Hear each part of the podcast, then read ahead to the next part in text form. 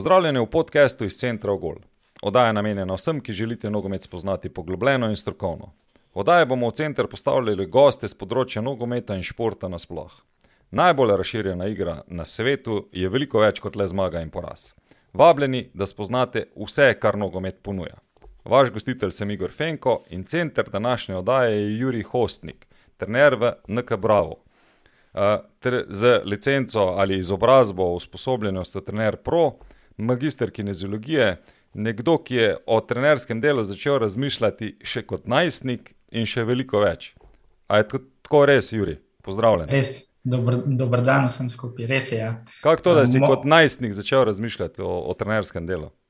Ja, jaz sem bil star 15 let, ko so mi zdravniki odkrili srčno napako in takrat so mi že dali vedeti, da bo moja, treners, moja igralska pot najbrž zaključena. Tako da sem v tistem trenutku že se odločil, da jaz želim v nogometu ostati. Um, in nekako sprejel tudi odločitev, da bom trener in od tistega dneva naprej delal vse, da bi bil profesionalni nogometni trener. Okay, odlično. Ni odlično, da, da si imel tako diagnozo, ampak zanimivo, da, da si tako hiter se pač odločil, da je to to, da, da nisi še iskal drugih ja. poti. Okay, Dan, danes mi sigurno ni žal. No. Je to res. Je to res lep poklic? No? Je težko, ja. poklic, težko bi našel lepši poklic. No? Okay, bomo o tem malce kasneje. Jaz bi še se, seveda pozdravil vse poslušalce. Uh, ponovno uh, vabljeni, normalno, da nas sledite, delite, všečkate, počasi, mislim, da se povečujemo. Pripričan sem, da so oddaje zelo zanimive, gosti, zelo kvalitetni. Tako da nas najdete normalno na YouTube kanalu uh, ali pa na vseh ostalih pretočnih vsebinah. Tako da od uh, Instagrama, uh, YouTuba, uh, potem pač Deezer, Google Cast, Apple Podcast, Spotify, se pravi, kjerkoli pa že. Uh, po, pobrskajte tudi za kako oddajo za nazaj, zagotovo ne bo žal zelo veliko zanimivih gostov, uh, ki so ali pa sem prepričan, da še bodo spreminjali ali pa razvijali nogomet tudi v bodoče, um, pa seveda tudi na našo spletno stran, trojni dvojni vej, centra ogol.com, uh, kjer pa poskušamo oddajo še predstaviti nekoliko drugače. Ok, Juri, mi dva gremo oddajo. Uh, se pravi, zelo hitro si se odločil za trenerski del, uh, želel si biti v športu, pa rekel si, da je en to zelo, zelo lep poklic. Povej, zakaj? Ja, zato ker praktično nimam občutka, da hodim v službo.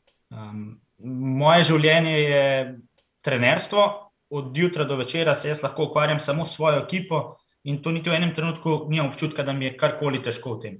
Vsak dan delam za te otroke ali pa te igralce, ki jih imam, vsak dan se trudim, da bodo boljši, da bodo v čim več. Kot, ali celostno, kot nogometaši, kot ljudje napredovali, ali pa samo v določenih aspektih, čisto individualno, vsak posameznik, uh, oziroma kot ekipa, in potem te vsakeč znova vleče še tekma. Jaz vem, da so stari 15, 13, 10 let, sam na koncu vse, vse to vse skupaj igra. In ker je to igra, ker na koncu vse tekmuje, lahko si zatiskamo oči, da ni pomemben rezultat. Je, na koncu otroci štejejo. Um, Profesionalci štejejo, trenerji štejejo, na koncu v soboto vsak želi zmagati. Pa si lahko zatiskamo oči, ali ne, lahko se delamo, da rezultat ni pomemben. Na koncu otrok, če bo zgubil v soboto tekmo, bo imel slab dan, trener pa verjetno podobno. Tako da, že v, zaradi tega, ker te vse čas nekaj vleče, ker nimaš občutka, sploh, da delaš, ampak imaš samo občutek, da si v tem, da je, da je to res eno takšno veselje. Sem prepričan, da je to potem en, en takšen poklic, ki sploh v bistvu ni poklic, je bolj poklicanost, je poslanstvo. Um, pa dejansko potem vsakič, ko vidiš svoje rezultate, ko vidiš, da, je, da si prispeval k razvoju posameznika, da je danes uspešen nogometaš, da je dosegal nek nivo mlajše reprezentance, članske reprezentance in da si ti nek svoj delež prispeval ali samo kot član kluba, kjer vsi delujemo, ali pa kot, tudi kot trener neposredno z igralcem, je to verjetno tisti najboljši rezultat. No, vsaj meni osebno.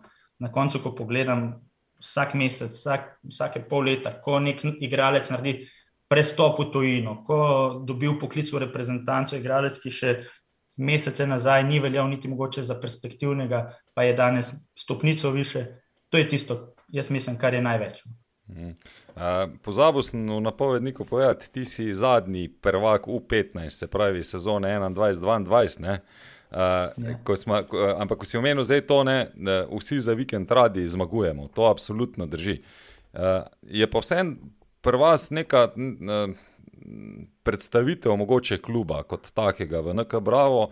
Da prioriteta bo prvo, se pravi, vzgajati in pripraviti igralca za kasneje, eh, ob tem, absolutno se pa tudi tekmuje. Zdaj, v 15, bravo, mislim, da je tudi ene pet, pet sezon nazaj bil prvak. Uh, tako da uh, tudi kadeti, mladinci so redno, bomo rekli, večino krat v teh zgornjih petih pozicijah. Ne. Zdaj ne vem, nisem gledal, koliko so bili prvaki ali pa ne, ne, ampak večinoma so tu zelo, zelo visoko gor. Kar pomeni, verjetno v razvoju gre to nekje eno z drugim. A si ti rečemo lani, ko, ko, ste, ko si pač začel z ekipo trenirati, kakšne ste imeli generalno cilje, rečemo, sploh nastavljene? Ja, jaz sem zdaj šesto sezono uh, trener v 15 v nogometnem klubu Bravo. In nikoli do zdaj se nismo niti pogovarjali o tem, da pa moramo biti med tri, pa prvi. Pa nikoli se nismo niti vsa, v nobenem primeru se nismo o tem pogovarjali. Zavedali smo se, da, ve, da imamo v vsaki sezoni dovolj kvalitete, da če gre kaj narobe, ali pa ne gre narobe, da gre vse super, da imaš vedno ekipo, ki bo na prvenstveni lestvici nekje od 1 do 5 do 6. Odvisno včasih od generacije, včasih je fizično malo močnejša generacija, včasih šipkejša, pa je mogoče tehnično celo boljša. Pa to ne bo pomenilo, da zdaj kot trenerji, oziroma da bojo v klubu nami gledali kot manj uspešnega, bolj uspešnega. Edino merilo dejansko za me kot trenerja v 15 je, ali bodo te fantje sposobni čez leto, oziroma pogosto celo čez dve leti, igrati konkretno pomembno vlogo v, v kadetskem nogometu. Se pravi, koliko teh fantov pride potem ta korak naprej. Se pravi, edino merilo je to, ali smo jih naučili dovolj, ali imamo selekcije oziroma ekipe dovolj poselekcionirane, dovolj kvalitetne, da jim lahko mi, trenerji, z našim delom dodamo še tisto nekaj, da pridejo potem v kadetsko ekipo, v reprezentanci in mogoče tudi kasneje v, v člansko ekipo in mogoče kot zanimivi za tujino, s čimer pa ne samo koristimo klubu, sem prepričan, da tudi slovenski reprezentanci pa predvsem poskušamo izpolnjevati sanje tem našim mladim perspektivnim nogometašem. Ja, pač dvig, poskušate dvigovati kvaliteto, pač konkurenčnost in vse ostalo. Ampak jaz bi uh, zdaj vsem se šel nazaj v tvoje začetke. Pravi, rekel si, 15 let, dobiš diagnozo, ne moreš več tekmovati. Kako si si naredil načrt, ker sem pripričan, da si si naredil načrt, uh, kako boš ti prišel do trenerja, glede na to, da ti za ne vem, tako srčno napako tudi potem na fakulteto za šport nisi mogel iti. Ne? Ja, zdaj moja prva ideja je bila, da res vse posvetim temu, da poskušam čim več vzeti od vseh trenerjev. Recimo, jaz sem še naprej uh, v, šolski, v srednji šoli, v šolski nogometni ekipi sodeloval, ker so mi še vedno priporočali nek rekreativni nivo, samo ne profesionalni. In v tej ekipi je bil trener Marjan Dermastja, uh, jaz mislim, da kar legenda trenerstva, predvsem v Ljubljani na področju dela z mlajšimi. Pa sem že takrat se spomnil, sem imel, star sem bil 15-16 let, sem imel svoj dnevnik, si upisoval vse vaje, ki smo jih potem na tistih krožkih izvajali, njega spraševal. Um, mogoče res ena ključna stvar, ve, vedno nas je usmeril, ker je že takrat tudi on vedel, da želim biti trener. Uh, pa je potem tudi meni vedno razlagal, kako pomembno je, da se pogovarjamo, oziroma da se trenerji pogovarjamo o osnovah, ker mi lahko zapletemo nogometni trening, tekme, ideje naše v igri. To, tako jih lahko zapletemo, na koncu pa igravci ne znajo štopati žoge, ne znajo pravilno podati žoge, oziroma niti ne želim govoriti uh, pravilno podati, ampak bi želel govoriti uh, uspešno, učinkovito podati, da je podaja čvrsta, da je na pravo nogo, da se o teh stvarih pogovarjamo, do, da se en, da enkrat dosežemo osnove. In moja pot je potem šla v tej smeri.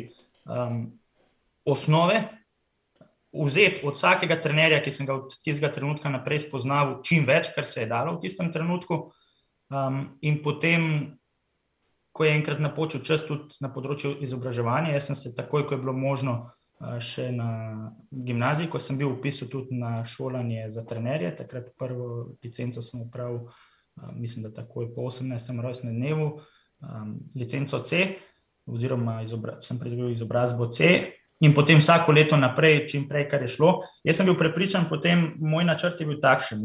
Um, nisem želel na fakulteto za šport, ker sem bil prepričan, takrat je bilo nekakšno takšno um, razumevanje, če greš na fakulteto za šport, si potem učitelj telovadbe. Um, zdaj, moje izkušnje z učitelji telovadbe so bile, da niso bili preveč potem aktivni v trenerstvu, oziroma je bila to njihova služba, tam so se fajn imeli, izvolite žogo, igrajte, popoldne še en krožek. Niti nisem želel, da je to moja služba, da jaz dopoledne delam kot učitelj telovadbe. Zato sem se takrat odločil, v redu, nekaj grem študirati, ne želim zapraviti tega časa in sem se odločil za jezikoslovje. Jeziki sem vedel, da mi bodo vedno prav prišli. Um, moja ideja, moje sanje, takrat sem bil star 15, 16, 17 let, uh, so bile, da bom trener Real Madrida, zato sem se tudi odločil za študij hispanistike, tako da zdaj tako, če govorim uh, špansko in še kakšen jezik. Um, Veš, če Ampak, govoriš francosko, lahko z Elznerjem komuniciramo. On, on rabi slovenca. Mislim, da Elzner tudi govori špansko. Ne, ne, on pravi, da rabi trenutno, on bi imel kaj ga slovenca, ampak noben ne govori tako, če francosko v Franciji, pa ne moreš delati, če ne govoriš francosko. Ne. Ja, ne, to žal ne. Evo, mogoče naslednji jezik. No, vidiš, da, da se prepraviš. Ne. Bi z veseljem, ja. No, v glavnem, jaz sem takrat se odločil, v redu, vse šolanje. Jaz sem trener, lahko da delam šolanje na nogometni zvezi, predujem izobrazbo trenersko, CBA Pro in sem bil prepričan, da lahko na ta način. Potem sem pa skozi čas poznaval, da to ni dovolj, da ni dovolj, da jaz dobim samo metodo, kako naj učim, ampak sem želel poznati tudi ozadje te metode, kako učiti otroke, zakaj je ena stvar bolj učinkovita, zakaj je nek učni proces boljši od, druga, od drugega, zakaj je neka.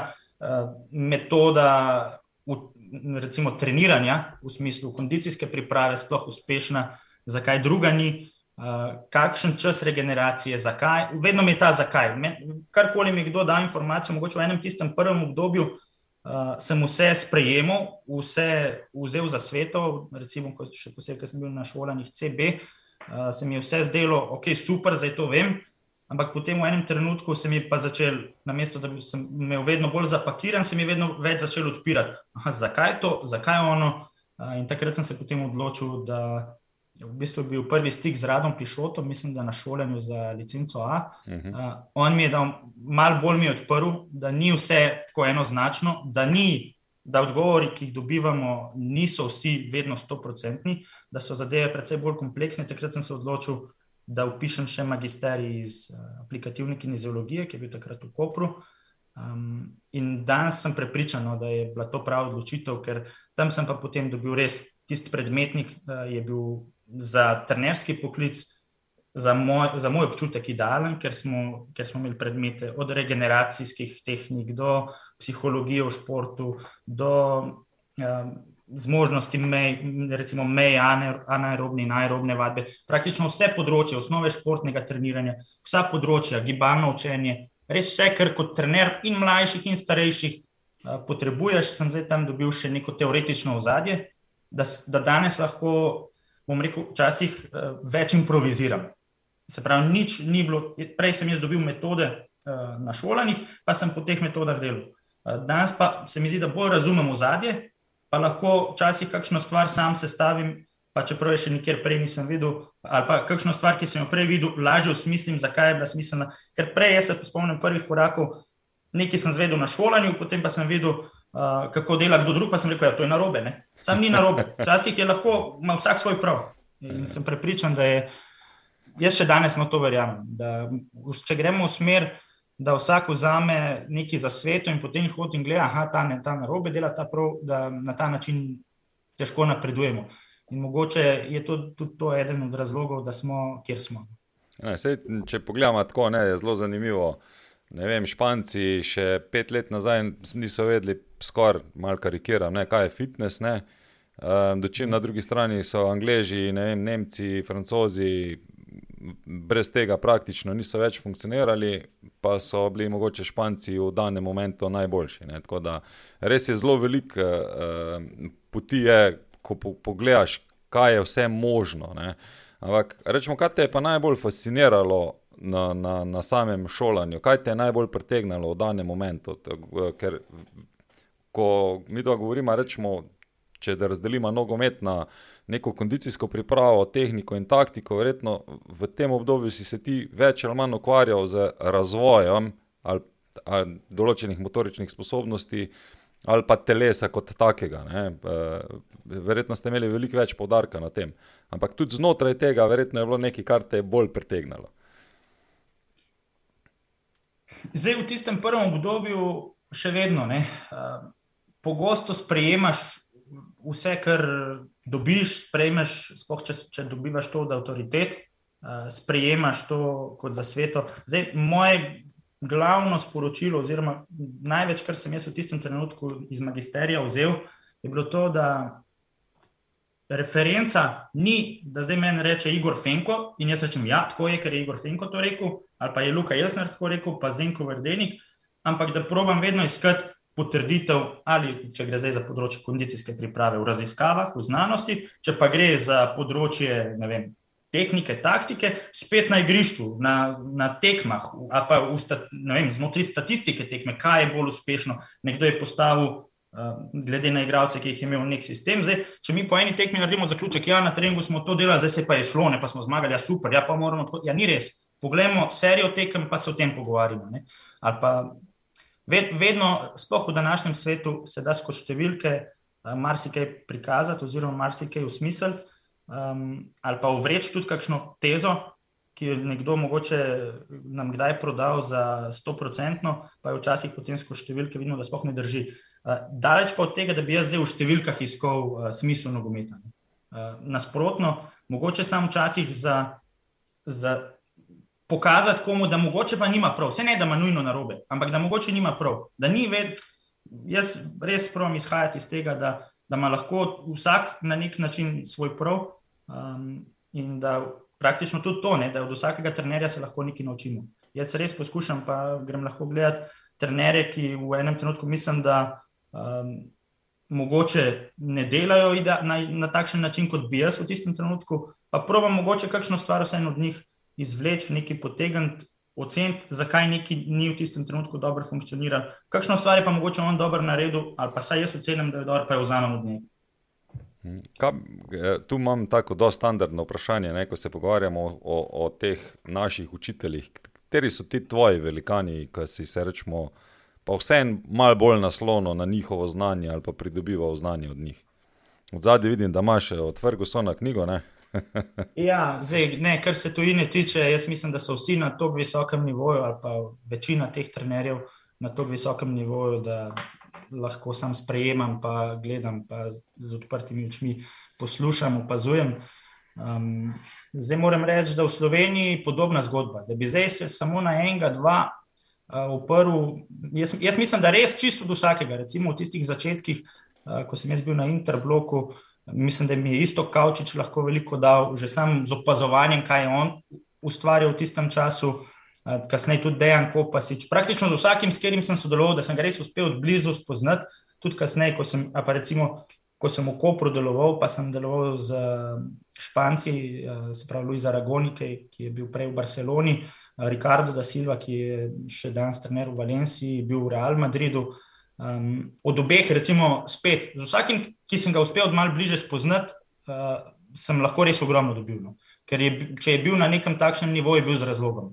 Uh, redko kakšen trener, ki sem ga jaz spoznal, um, ni bil, na, pa recimo Oliver Bogatino, spet ena takšna, ena takšna ikona, oziroma nekdo, ki ti lahko ogromno da. Zdaj, trenerji, ki jih pa od blizu nisem uspel spoznati, sem mogoče lahko kaj dobil od njih, oziroma lahko tudi ogromno pa se v tistem trenutku nisem niti zavedal. Največ pa od teh, pa Agron Šalja, recimo, ko je bil tudi on vodja šole uh, na Interbloku.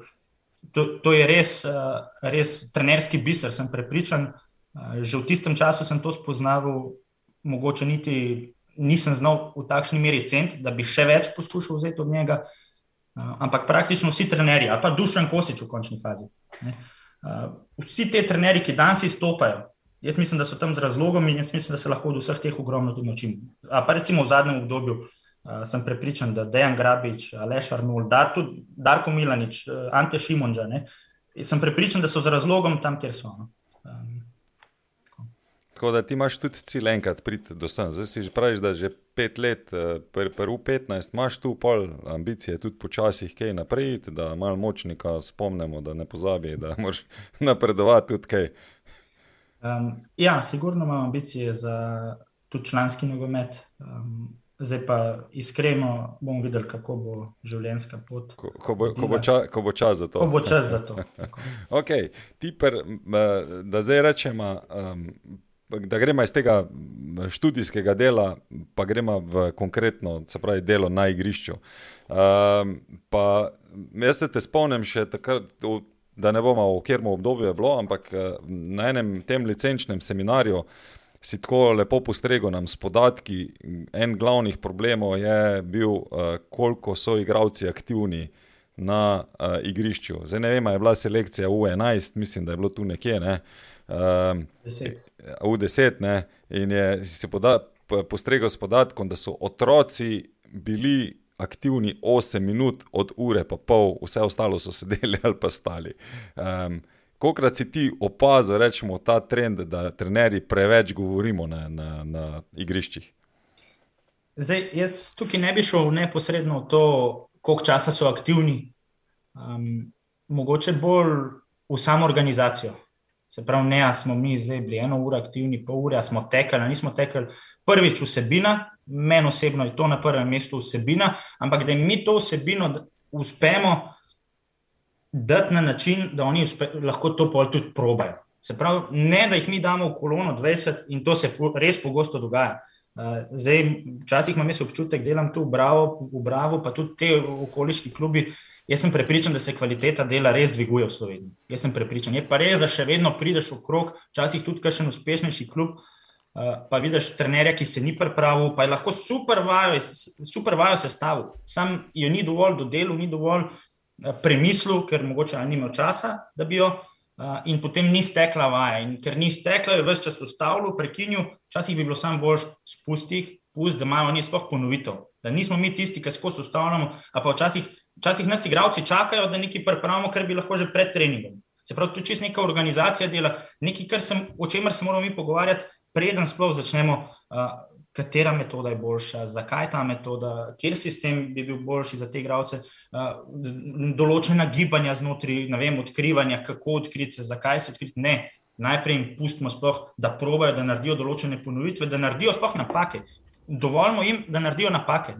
Um, ker če prije igralec res iz treninga, jaz se spomnim, tisti, mislim, da sem eno, eno uro sem meril, ne, pa so bili res pogoji idealni v tistem času. Celo igrišče, neka takšna manjša umetna trava za igralce v 10, dva trenerja. Sam sta prišla na igrišče z zamudo, najprej so 10 minut zamudili, pa so otroci sedeli pa čakali, da sta oni dva pripravila vaje, ki bi jih lahko že prej, ker se je trening začel uh, ob 4, predtem ni bilo igrišče zasedeno.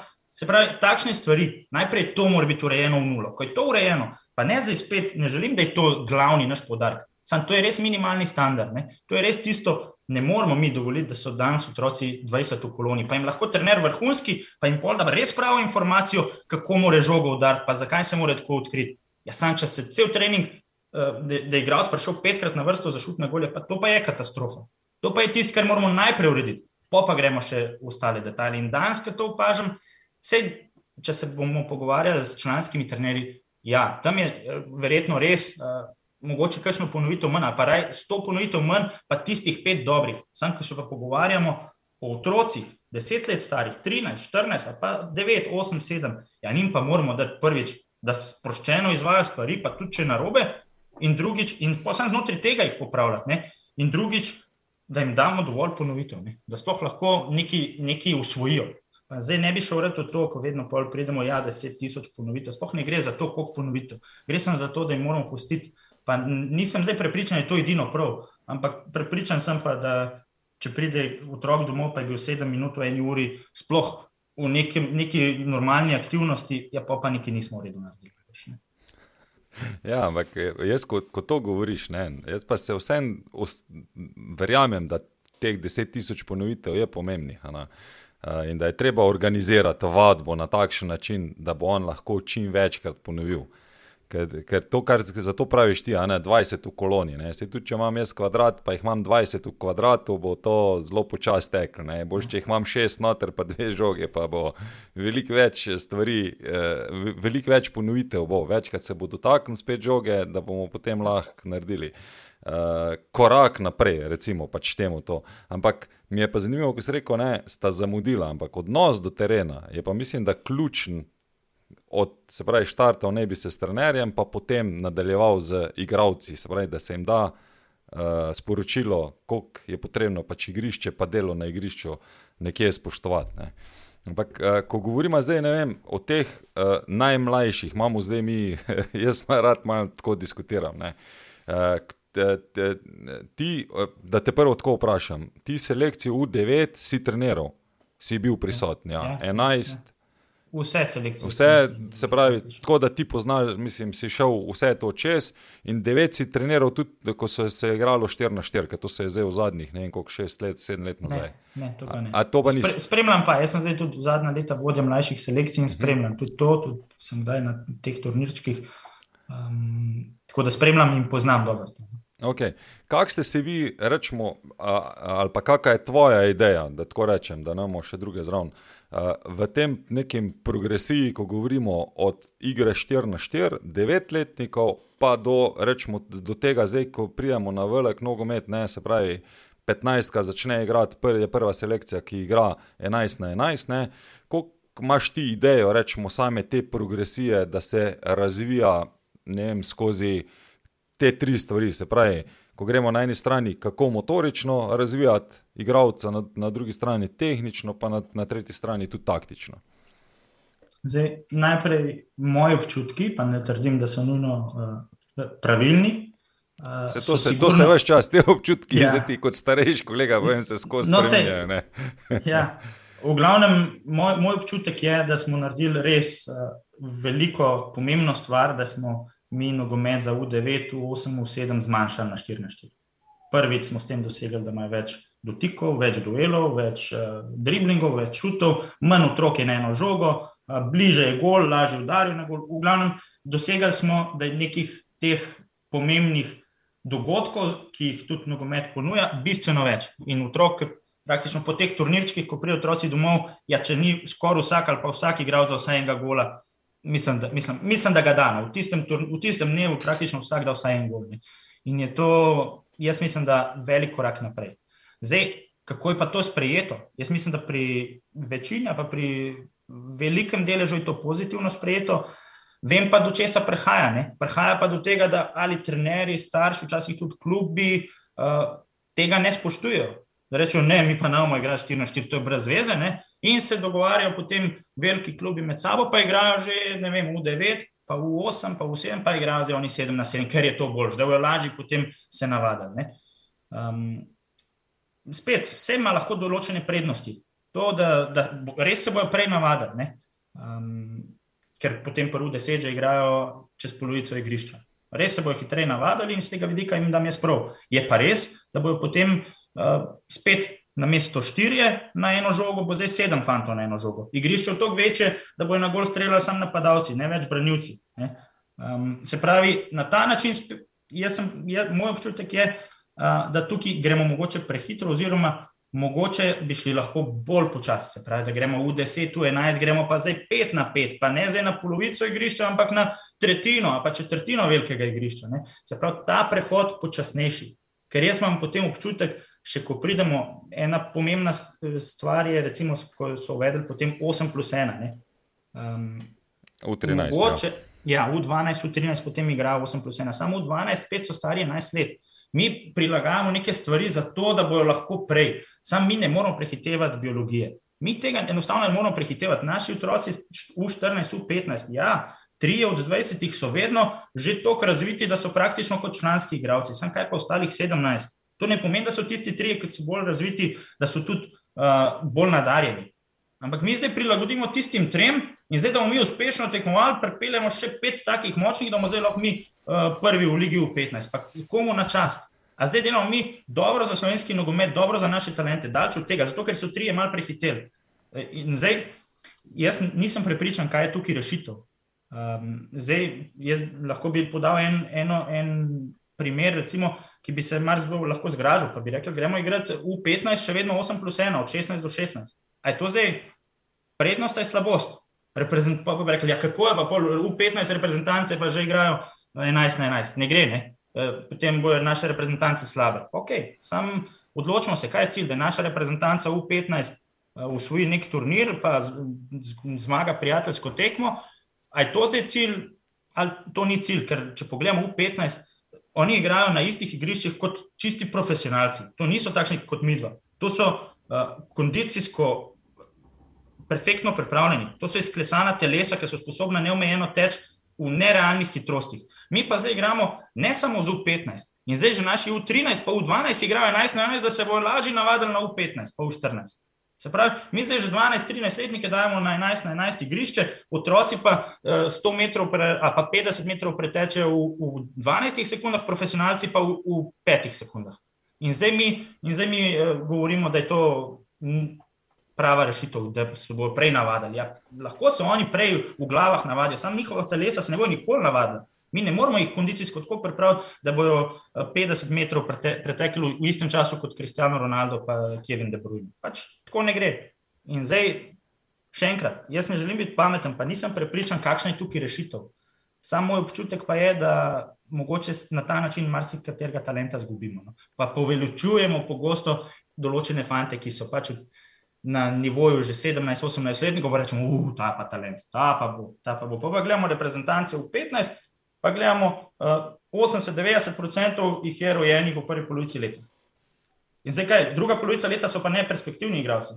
A sam mi jih nočemo videti, oziroma ne smemo jih videti, ker če selektor kliče unga decembra, ekstra talent, sam po fiziki je pa kada je dve leti mlajši, uh, selektor ga bo dal igrati, potem bo zgubil proti, ne vem, Liechtensteinu pa je rekel, da ja, nima pojma. Ga, da, ga bomo menjali. ja, no, sej, ampak ni kriv selektor, tudi v končni fazi. Ja, smo tudi trenerji krivi, ampak v prvi vrsti jaz mislim, da je tukaj sistemska težava, ki pa nisem pripričan, sploh, da je rešljiva, sploh ne na slovenski ravni. Ja, da, zdaj, meni je že zanimivo to, kar si ti dal kot istočnico za komentar. Ne, uh, prvo tekmovalna selekcija reprezentančne U17. Se pravi, oni prvič tekmujejo v kvalifikacijah za Evropsko prvenstvo. Se pravi, do tega trenutka mi nimamo uh, teh stvari. Ampak drugo zadevo, ko, ko sem te prej že hotel vprašati, ali pa sem te že vprašal, vidite še za enkrat, na kak način vi pristopate, rečemo, sploh k razvoju, ko govorimo o tem. Motoričnih sposobnosti ali ne vem, kondicijskih ali kako koli jih bomo zdaj poimenovali.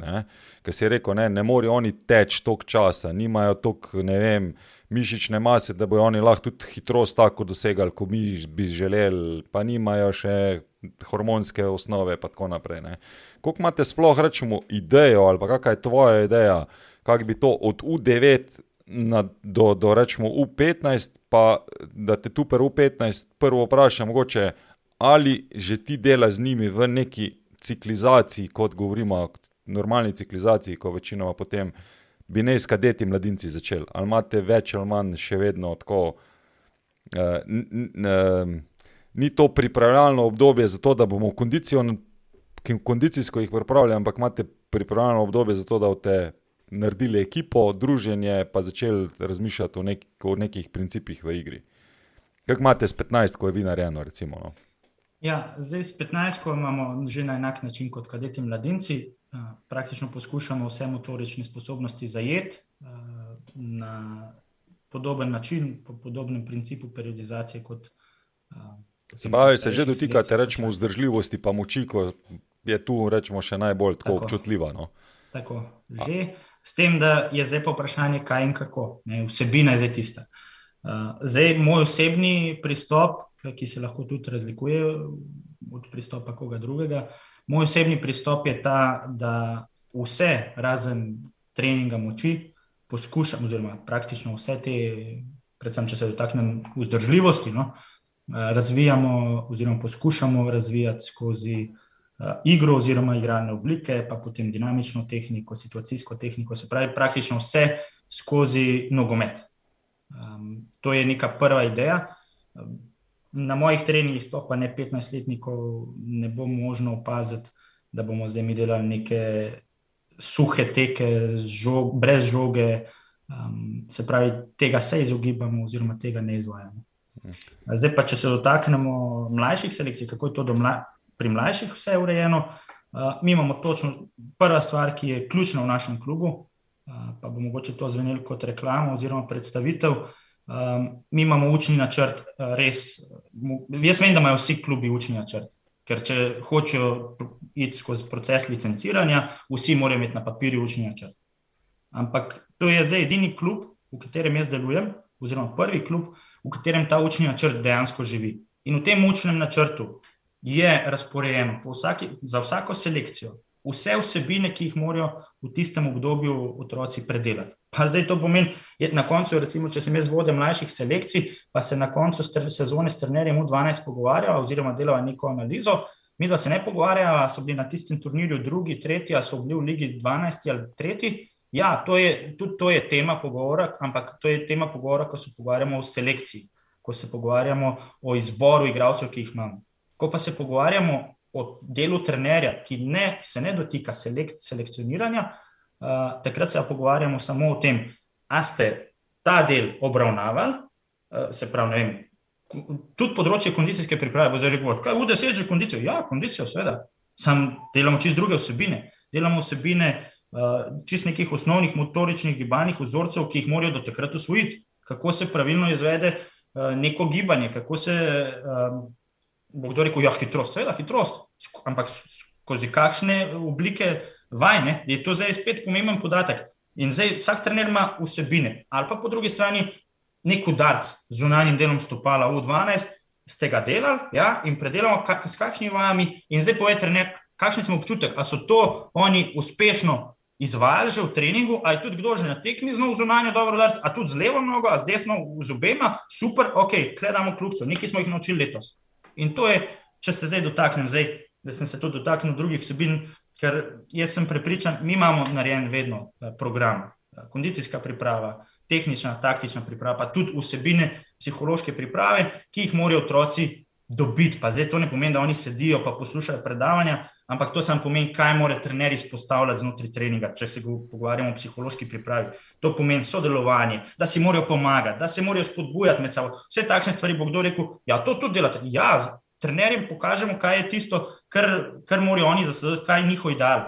Potem pa kaj je znotraj treninga njihova osebina. In zdaj bo kdo prišel gledati, pa rekel, ja, klepa to delate. Ja, to delamo, delamo klep udarec znotraj, samo zraven delamo še odkrivanje, zraven delamo še vodenje žoge, kontrolo žoge, um, zraven dobiš še informacijo, kako dva sodelujeta, tisoč informacij je tako znotraj treninga. In jaz sem na koncu prepričan, da mi ne moramo govoriti, ja, tehnika, koliko treningov tehnika. Vi v ponedeljek delate uh, hitrost, tam delate, ma, ne da se tega razčleniti. Pomembno je, da trener pozna v zadje, pomembno je, da to, vsaj presebko gledam. No, je, se mi zdi pomembno, da razumem koncept, sam na koncu se pa ne da ločiti teh stvari.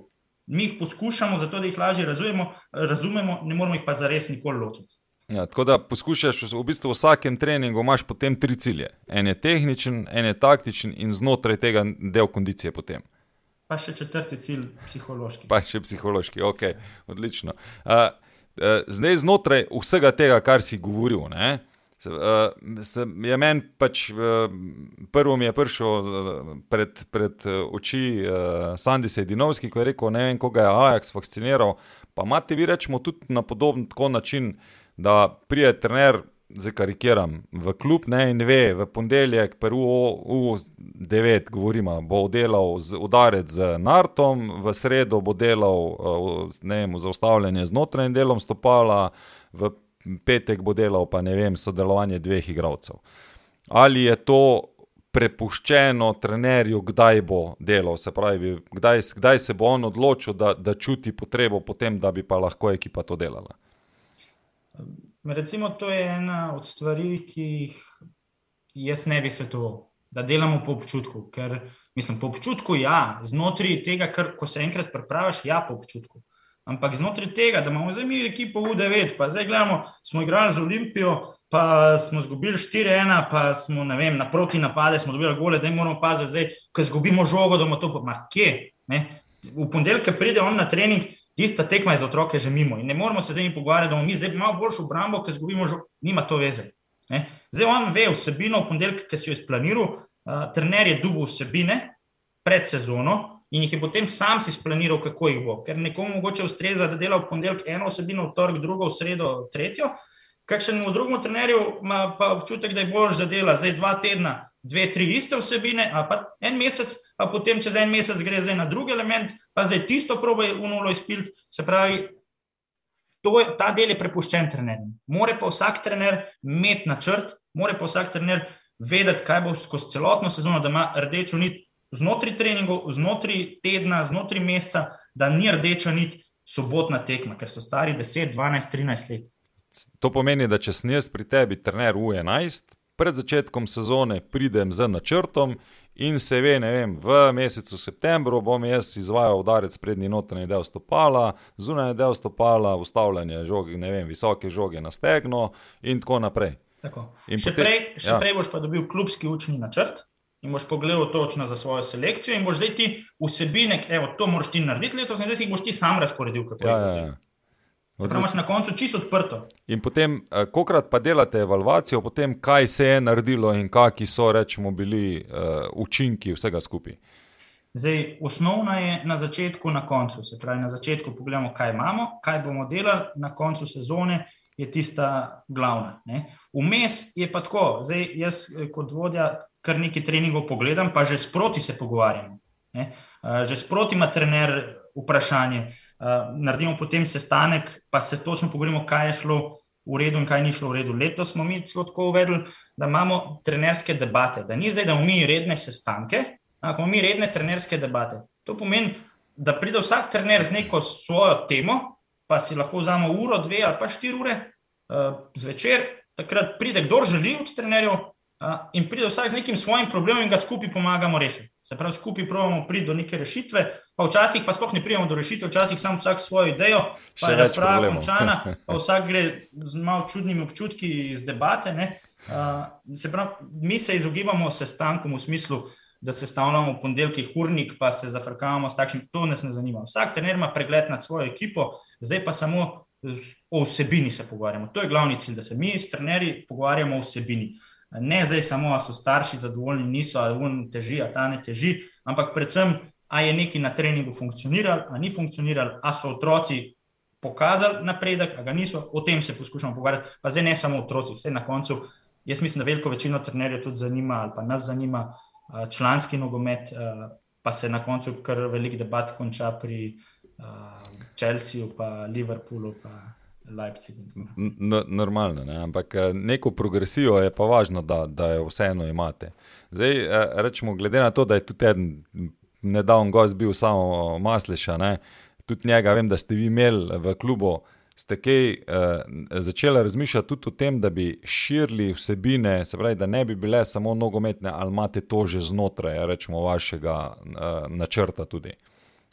V smislu, ne vem, kako on pač promovira, se pravi, izhaja iz juda, promovira pač padanje, sodelovanje, fizični kontakt, ki ne bi bil no, nujen. Z občutkom tega, da, da otroci izgubljajo strah pred, se pravi, dueli, kontakti, paci in, in vsem ostalim, pa še veliko drugega je še zraven, no, tu noter. Ampak imate tudi vi idejo, rečemo, da se širijo ali pa vključujejo druge, drugi športi v vaš program dela? No, to je sigurno ena od osnov. Um, zdaj, če se dotaknem spet učnega načrta, ki sem jaz prej rekel, UDV, trener ima že program kondicijske priprave. In potem on odpre, v kaj bomo zdaj, gremo na eksplozivnost, pa ne kaj še vse. Ne, ne on pogleda, uf, sem to pa ni tako zabavno, jaz jih moram pa naučiti padanje. Ja, padanje jih moraš naučiti pa prevalga moraš naučiti, pa odbijati se morata, pa vleči se morata, pa porivajo se, ne? pa plezati ga moraš naučiti, zdaj pa mi je vse ena, ga boš na drevo pelo, na ribsto, a, a boste plazili, pa se boste v igrci plazili, pa lovili, vse mi je na kakšen način, ampak obvezno, obvezno, ker zdaj mi v devet, pa mi zdaj sam strogo, no, daleč od tega. In recimo ta del se zajame na pod, področju kondicijske priprave. Ne? Mi govorimo o kondicijski pripravi tako, če že moramo nekam zajeti to, ne? V resnici v tej kondicijski pripravi 9, 13, 14 letnikov to pomeni, da igramo na treningu odbojko. To, to pomeni, pa igramo na treningu košarko. To, to pomeni to. ali pa da se uh, ruvata, pa se morata na hrbet spraviti. Uh, absolutno, ker jaz mislim, da večina raziskav tudi kaže, ne? da prezgodna specializacija uh, ima preveč negativnih učinkov, čeprav mogoče kratkoročno bo pomenilo, da te pa zdaj grejo, ne? dolgoročno uh, bodo pa na boljšem tisti, ki so se bolj široko športno izobraževali. No, ok, uh, tako za intermeco, ne, mi dva proti koncu prvega polčasa, mislim, da še eno minuto, malo prej smo zagnali, malo prej smo se še pogovarjali, preden smo začeli z oddajo, tako da vemo pri, pri, približno, kje smo. Zdaj, dotaknil bi se tega, rečemo, um, biološkega pa kronološkega razvoja. Ne? Glede na to, da ste zagotovo eden tistih klubov, ki je potem tudi zanimiv. Se pravi, star, se naj, najdejo starši, ki vidijo neko priložnost, tukaj bi se pa moj otrok lah razvil v novega MBP-ja, pa ne vem, Šeškota in tako naprej. Uh, pa ste vseeno precej omejeni z igrišči. Kako vi delate potem vse te selekcije, sploh ko govorimo o 9, 11, 13 letnike, ne? ko je treba nekomu reči, žal mi je, nimamo prostora, morate iti drugam. Ali imate idejo, kako vse vključiti, da lahko so prva v klubu? Jaz mislim, da to ni možno. Um, vsi klubi na svetu so omejeni z igrišči. Tudi če pogledamo Real Madrid, pa če pogledamo Udineze, kogarkoli, vsi klubi so omejeni v resnici z igrišči. A po drugi strani imamo mi v Sloveniji dovolj klubov, da vsi ti otroci dobijo priložnost. Uh, je pa res, da je Bravo vsem selekcijski klub. In je otroko, otrok, pa, pa se lahko si zatiskamo oči, ali pa ne, ne, vse lahko gremo pa v varne tabor. Vedno je lahko pride do situacije, ko je kakšen otrok več, kot bi bil za optimalno treniranje. In zdaj, v tistem trenutku je potrebno, oziroma je treba znati uh, na pravi način komunicirati in staršem pokazati, da to ni edina rešitev, da ni edina možnost, včasih nekje ni prostora. In tudi v kakšnih manjših klubih, nekdo mogoče um, ne. Izpolnjuje določenih kriterijev, pa ne, ne da ne izpolnjuje. Pač njemu ni več dobro. Ker mi nikoli ne damo igralca, ga ne usmerimo nikoli v drugo sredino, uh, če gre za igralca, ki, ki lahko v tej skupini sodeluje. Mi vedno do tega pridemo, pa sploh ne gre za količino, oziroma sploh ne gre za število igralcev, koliko jih je še lahko na treningu. Gre za to, da če nekdo enostavno zaostaja, tudi njemu ni več prijetno. Če je poprečen nivo ali pa najvišji nivo ekipe. Uh, previsok za njega, njemu ni več prijetno na treningu, njemu je pretežko, on ne dohaja. In takrat skupaj s starši in otrokom najdemo rešitev, pa rečemo, ok, eni klubi to rešujejo, imajo B, C, D ekipe, pa, ampak na koncu v resnici je učinek vedno isti. Če imamo prijatelje v A ekipi, pa mora iti v B ekipo, je isto. Vedno je treba to na nek način skomunicirati in najti rešitev. Rečemo, evo, zdaj ta trenutek otroku niti ni prijetno na treningih, ker mu je pretežko. In zdaj v tem trenutku mi uh, se pogovorimo s starši, z otrokom in rečemo: Poglejte, v tem klubu, mi s tem klubom sodelujemo, uh, v tem klubu bo vaš otrok dobil bistveno več pozornosti, lahko bistveno lažje mu bo psihološki del, ki je ključen na koncu, on se bo bolj počutil. On bo imel pomembnejšo vlogo, on bo tam kapetan, on bo imel proste strele, verjetno. Uh, ogromno takšnih primerov imamo, vse kakšen od teh potem pride nazaj, veliko boljši. Pa rečemo, evo, nismo mi naredili napake, prav smo naredili, da smo ga tja poslali. Evo, zato je danes prišel nazaj. In to je tisto, zdaj pa na koncu, da se mi ne pogovarjamo samo o tem, v bistvu še bolj pomembno, da se pa mi pogovarjamo o tistih, ker to so tisti, ki ta trenutek ne dohajajo do določenega nivoja. Še bolj so pa pomembni tisti, ki so ta trenutek na previsokem nivoju in je prelahko. Mi moramo za te poskrbeti. Če hočemo mi za slovenski nogomet najboljš, kar se da, mi moramo poskrbeti za te, ki jim je ta trenutek prelahko. Pre in zdaj pogosto se to rešuje z tem, da se jih da v višjo selekcijo igralcev. Ampak tukaj so še številne rešitve, ki jih moramo dejansko nasloviti, jaz mislim, da v naslednjem obdobju. Jih še poiskati. Tako. Ampak ti gledaš to, kar si prej omenil. Ne? Jaz uh, sem se prvič srečal s tem podatkom enkrat na enem stadiju grupu, ne? kjer so nam danci predstavili, da imajo problem zadnjih ne vem koliko let, uh, pač v tistem obdobju je bilo tako, da tako bi rekel, da sedem let niso imeli v reprezentanci igralca, ki bi bil rojen v zadnjem tri mesečju. Se pravi, oktober, november, december. In da so ti igravci zaradi tega, ker so bili toliko fizično šipkejši v mladosti, so jih trenerji ponavadi pač potiskali na stran. In, eh, potem se pa izpostavi na drugi strani, ne vem, Maradona, Messi, ne vem, kdorkoli pa že, ki pa so bili, ki so isto rojeni v zadnjem delu leta, zdaj za Messi, ne vem, Maradona, eh, sem skoraj pripričan, da je bil vmes omenjen. Eh, pa, je, pa so potem, rečemo, vseeno uspeli narediti kariero, zaradi tega, ker se jim je omogočilo ali se jim je določene stvari vsem prilagodili. Uh, ja. a, a kaj razmišljate tudi vi o tem, kako rečem, mislim, pregleduješ te podatke, pa potem poskušate vseeno, ne vem, se dogovoriti starši, da bojo trenirali z selekcijo mlajšimi, ker on, če je decembra, mu je ta januarc v naslednjem letu, ko je mlajši, veliko bližji, kot pa tisti januarc izpred v istem koledarskem letu, ko je ene nimam, nimam čiste rešitve, uh, nimam tudi kakšnega resnega predloga. Vem, da so bili že številni predlogi o tem, da se bi selekcije delale na polovico leta ali pa reprezentance. Reprezentanti do julija, pa tisti od julija do decembra, in tako naprej. Um, nimam najboljših rešitev, vem pa, da smo na koncu trenerji prisiljeni v to, da damo igrati tiste, ki več, ki več dajo na igrišču. In če sta dva, ki isto znata, pa je en 15 cm višji, pa zaradi tega malo hitrejši, na koncu trenerji tudi ne vidimo. Ne? Vse na koncu pač ti daš igrati tistega, ki bo v tistem trenutku več dal. In če nekdo lažje zaradi tega duelu zdrži, ki je pol leta starejši, a pa včasih celo tri četrt leta starejši, pa še več, ne? sploh, sploh v unem trenutku ne opaziš. Uh, jaz sem prepričan, da je to sistemski problem, ki ga mi ta trenutek ne moremo reševati. Ker jaz vem, če bomo zdaj šli sam gledati, kdo največ zna, super. Sam na koncu, če bo selektor naredil reprezentanco, sam s tistimi, ki bodo največ znali, ne bo mogel ene tekme zmagati. Bo nekdo sestavil reprezentanco z igravci, ki pomanj znajo, pa so večji, močnejši, pa bo rekel, evo ti selektore. Pa, bo, pa, bo, pa bo zmagal ta, ki bo večje zbral, ne, ne ja. on, ki bo boljši.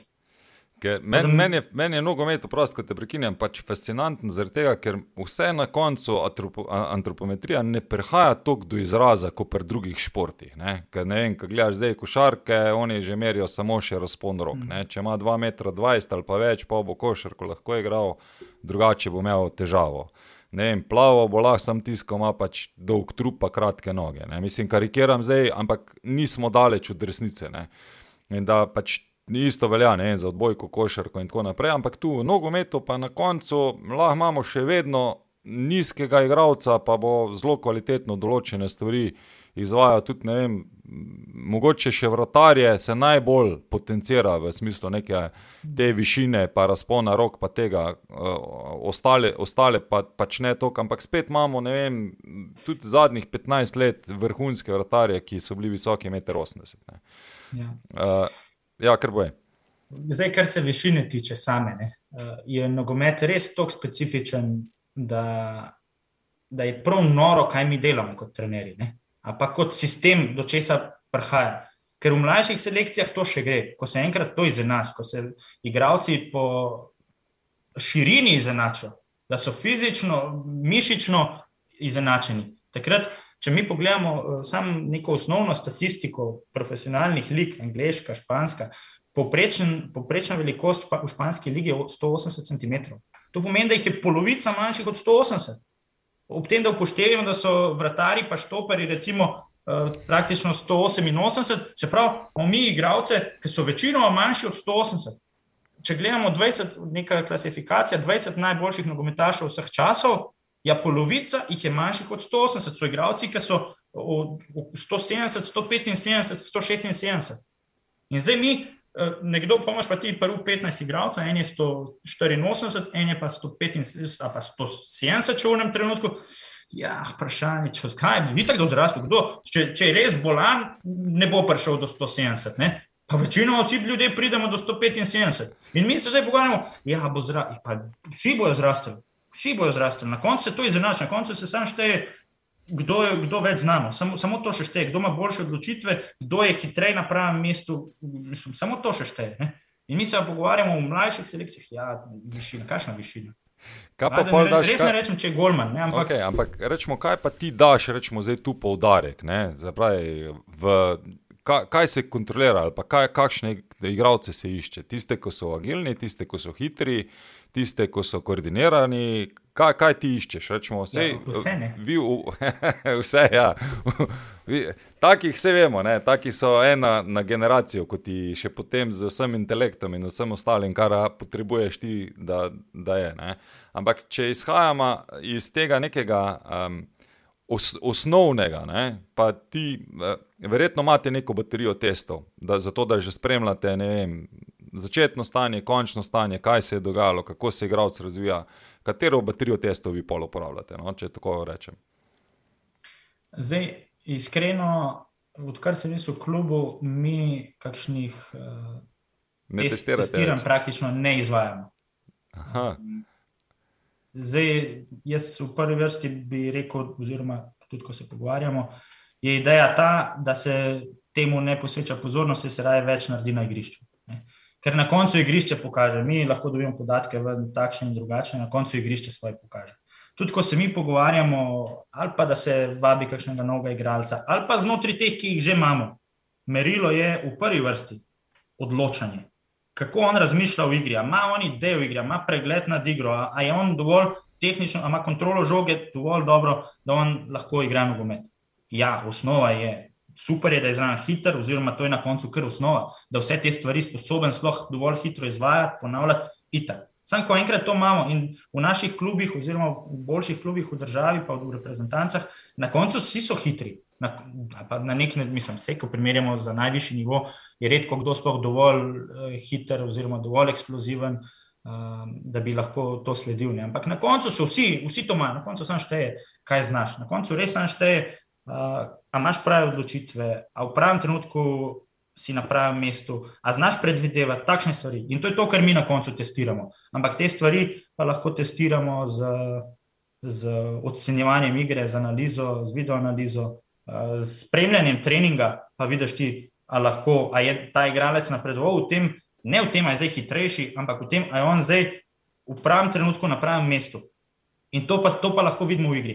Je pa res, ne, zdaj, če se dotaknem testiranja. Sej, neko testiranje praktično poteka vsak dan. In recimo mi, konkretno, ne vem, ravno teden, dva nazaj, uh, smo v selekciji v 15 uporabljali GPS-e, pa zdaj znotraj tega, na, na eni tekmi, in zdaj znotraj tega dobimo ogromno podatkov, ki bi jih lahko, uh, recimo, lahko bi jih tudi na testiranju dobili, ampak mogoče spoh ne na ta način. In zdaj ta GPS oziroma GPS podatki nam niso glavno merilo. So nek pokazatelj mogoče določenih sposobnosti, ker dobiš tudi podatek o maksimalnih hitrosti, ko je dosegel, določen, ne vem, koliko metrov je neki igralec naredil v določeni, ne vem, coni hitrosti in tako naprej.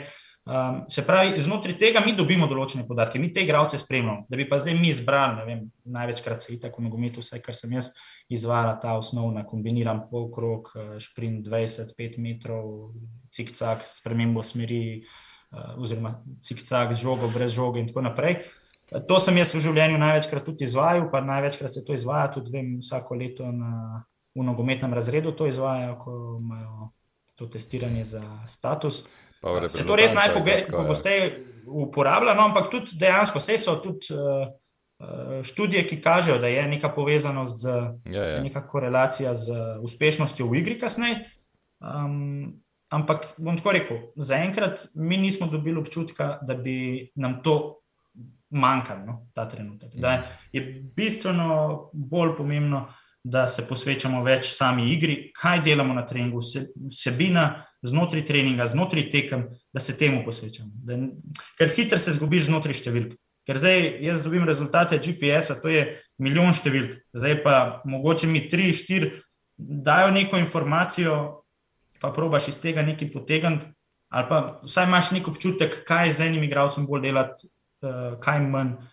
Um, ampak mislim, da še bolj to pride v poštev potem tudi pri starejših. Ker mlajši kot so, ja, vse se dela ogromno individualno, oziroma vsaj pristop je vedno bolj individualiziran znotraj, znotraj ekipnega treninga. Ne? Recimo, mi dobivamo, če jaz dam primer naše lanske sezone v 15, mi smo z ekipo načeloma precej redno delali, jaz kot glavni trener, moj pomočnik Domen Likar eh, kot trener, ki je bil praktično vedno z mano. Trener vratarjev, ki je bil na večini treningov, in še trener, individualni trener, to je bil Andraš Kirem. In mi smo bili dejansko strokovni tim, nad katerim je bil vodja šole Leš Arnold, ki je dejansko skrbel za to, da je vsebinsko funkcioniral in smo bili res veliko na vezi. Mi tudi, smo tudi skupaj treninge sestavljali, pa v končni fazi s pomočnikom smo se dobili dve uri prej, skupaj pripravljali trening. In zdaj v to gre, eh, vsaj v našem klubu gre nogomet v to, da mi individualiziramo uh, ekipni trening, da ima vsak trener svojo zadolžitev, pa evo, ta je bolj za vrtarje, ta zdaj skrbi vem, za branilce uh, v tem delu treninga, tam se razdelimo. Andraš Kirem je bil kot, prav kot individualni trener z nami. Zdaj, včasih je sam znotraj treninga, on vzel tri igralce, delal z njimi čisto individualno. Včasih smo pa 15 otrok smo imeli, štiri trenerji smo bili, smo se razdelili, to bo recimo enkrat na teden, pa smo vsak s štirimi, tremi delali neke vsebine, ki jih morajo oni v tistem trenutku individualno izvajati. Se pravi, v to smer jaz mislim, da gre. Kaj pa je njim manjka? Vse, a nekomu manjka ne vem, koordinacija, da je slabo skoordiniran, da je malo se mu porušila, ker je veliko zrastel, da imamo te fante tri, štiri v isto skupino, dela en trener sam z njimi to. Vse je zato pogosto ne rabiš nujno zdaj narediti testiranje, pa, ker tudi to testiranje bi bilo pol super, da ga naredimo vsak mesec, pa na, na tri tedne, pa spremljamo res v nulo, sam vemo, da to ni možno. Ne. Čeprav to je, to je vse neka ciklizacija, je dobro, da je narejena, ne? se pravi, tu 3 do 6 mesecev, da je okrog, da se vidi ta napredek. Jaz, jaz drugače nisem nujno proti testiranju, ja, ja. da ne bo pomote. Če bi to bilo zraven, mogoče bi bila tudi na nek način dodana vrednost. Mm. Um, je pa, je pa se... meni glavni problem, rečemo, testiranja pač bil, glede na to, da sem pač ravno ta, te testiranja in na nogometnem razredu in na reprezentancah izvajal, mi smo še potem dali nekaj uteži zraven, gor, koliko je vsak test vreden, mm. da smo res dobili to ND ta ND model, da, da smo dobili nek konkreten rezultat. Ne. Uh, pa moram reči, da če smo govorili o reprezentanci 22 igralcev, od 10 igralcev, o prvih 8 je zagotovo bilo noter v prvi postavi. Ne. Se pravi, če smo tako individualno delali, da smo naredili testiranje, nismo še obdelali rezultata, pa bi rekli, koga bi mi dali v postavo, 8 do 9 igralcev je bilo zagotovo noter. Kaj pa je bil cilj testiranja? Uh, en del je bil zagotovo pač videti, se pravi, njihov potencial v trenutnem stanju, v katerem so, uh, drug pa absolutno napredek. Ne. In mi smo postavili pač en del model, uh, tisti, ki bi dosegal rezultat nad 4,5, recimo, ali pa nad 4, ne, bi zadostoval potrebam. Ali pa tist, tist, tistim standardom, ki jih mi iščemo, kar se tiče koordinacije, hitrosti, agilnosti in vsega skupine se pravi, sposobnosti vodenja žoge in tako naprej. In se je zelo, moram reči, da tudi po tem enu v klubu se mi je pokazalo, da nekdo, ki je bil v danem momentu na ND modelu z oceno 2,5, čez eno leto pa na 4,1, je postal zanimiv za reprezentanco. Recimo, to se je poznal, ne? ker se je potem poznal tudi na psihološkem nivoju. Se pravi, igralec postaja bolj samozavesten, ker je močnejši v delu, ker je hitrejši, ker lažje teče, lažje razmišlja, ker ni tako utrujen in vse se potem navezuje naprej. No. Ampak je pa res, da to, to govorimo zdaj, kadeti mladinci. Uh, jaz bi te bolj, da, da ne bom jaz to govoril, uh, koliko si ti, rečemo, pristaš, pa potem, če že ne, se pravi, nekega nadzora skozi testiranja, kako biti, ker meni testiranje je problem, da morajo biti igravci nujno spočiti za testiranje. Ja, in, potem, in to pa pomeni, ne vem, to je pa že skoraj tako, da tempiraš, kot da bo tekma. Ne? Eh, zato da bojo res dobri rezultati, ali pa tisti, ki jih hočeš imeti, pa naslednje dva dni boš zelo težko treniral, kar pomeni, da si en teden praktično izgubil. Ne. In zaradi tega je meni postajalo, rečemo, testiranje obremenjujoče ali pa zguba časa, če se malo tako pošalim. Sem pa še vedno za to, da vsake toliko časa menim, da ni, do, ni slabo testirati, je pa fino, če imamo neko bazo odprej narejeno in vemo, kaj iščemo, kjer je cilj, da dosežejo igravci. Uh, ampak zdaj, kater monitoring bi si pa ti želel, rečemo, ali pa meniš, da je pa smiseln? Zdaj, lahko rečeš od U9 pa do rečemo, mladincev, če govorimo o, o, o, mladin, o, o tem mladinski šoli. No. Nisem prepričan, da je kakšen res uh, tok smiselen. Uh, v prvi vrsti je smiselno, da imamo trenerje oči odprte na treningu, na tekmah, pa tukaj spremljamo. Pa potem lahko zabeležimo uh, določene spremembe, ker res te stvari se na koncu vidijo. Ker mi bomo včasih dobili igralca, itak njim napreduje non-stop. Ne? Ker rastejo, ker se razvijajo, mi dobimo v 11, naslednjo sezono ima boljš, vsako sezono ima boljš, rečemo, napredujejo. Napredujejo, rastejo, ne? To je. Ne? In včasih imaš še nekaj, ki je bil počasen, pa spet bom dal primer v 15, počasen, pa v 17, hiter po testih. Ne? Ja, ni res, zrastel je v tem času, ali pa razvil se je malo bolj fizično. Uh, zdaj, ali pa dobro smo trenirali. Ne? Ali pa dobro, ja, no, vse, prilagodimo si trenerji. Ja, eni, eni imajo, rečemo, dobro smo trenirali, napredujoče. Eni imajo fenomenalen ta uh, trening efekt, ne? da eni skozi isti trenažni proces ne napredujejo toliko, kot pa nekdo drug. Ne? To je tudi meni zanimivo. Ja, če, če je to res uh, sam posledica trenažnega procesa. Ne? Ali pa to samo, da mi znamo to dobro prodati. Ker če bi res naš, lahko mi to se tako zgovarjamo, da je, da je to naš izgovor. Ja, ta pa ni tako nadarjen za ta tip treninga, to ni ustrezno, te tri so napredovali, mi pa ne. Ja, zdaj, mogoče so pač napredovali, ker mi biologija tako narekovala, da so napredovali. In mi zdaj zasluge poberemo. Lani je dal 4 gole, letos sem ga jaz prevzel, jih je dal 15. Ne? Sem jaz dober trener, sem jaz dober na treningu. Ja, ni, ne vem, jaz res ne maram iti v, v te skrajnosti, da rečemo, to je dobro, to je dobro, jaz sem ga naredil. To, mal, mi kot trenerji res malo lahko prispevamo. Ampak, mi, ko govorimo generalno, ne vem. Zdaj, če izhajam vem, iz, iz članskega nogometa, ne, kjer mi govorimo, da igralci pride v klub, v nekem resnem klubu, prvo šel v fizioterapevtsko sobo, se bo tam naredil testiranje, verjetno bomo še kakšne laktate pogledali, vsaj po tekmi ali pa po ne vem, nekem zelo intenzivnem laktatnem treningu, da vejo, v katero skupino bo šel za regeneracijo. Iz tega bo, ne vem, se vsak trening se bo snemal, imeli bojo GPS-e in po treningu se bo pač pošiljalo ne vem, neke podatke ali pa vsaj uh, trenerji, kondicijski bo obdelal ta tekaški del, koliko so ga naredili, pa če je bil v režimu, pa tam, ko mora biti.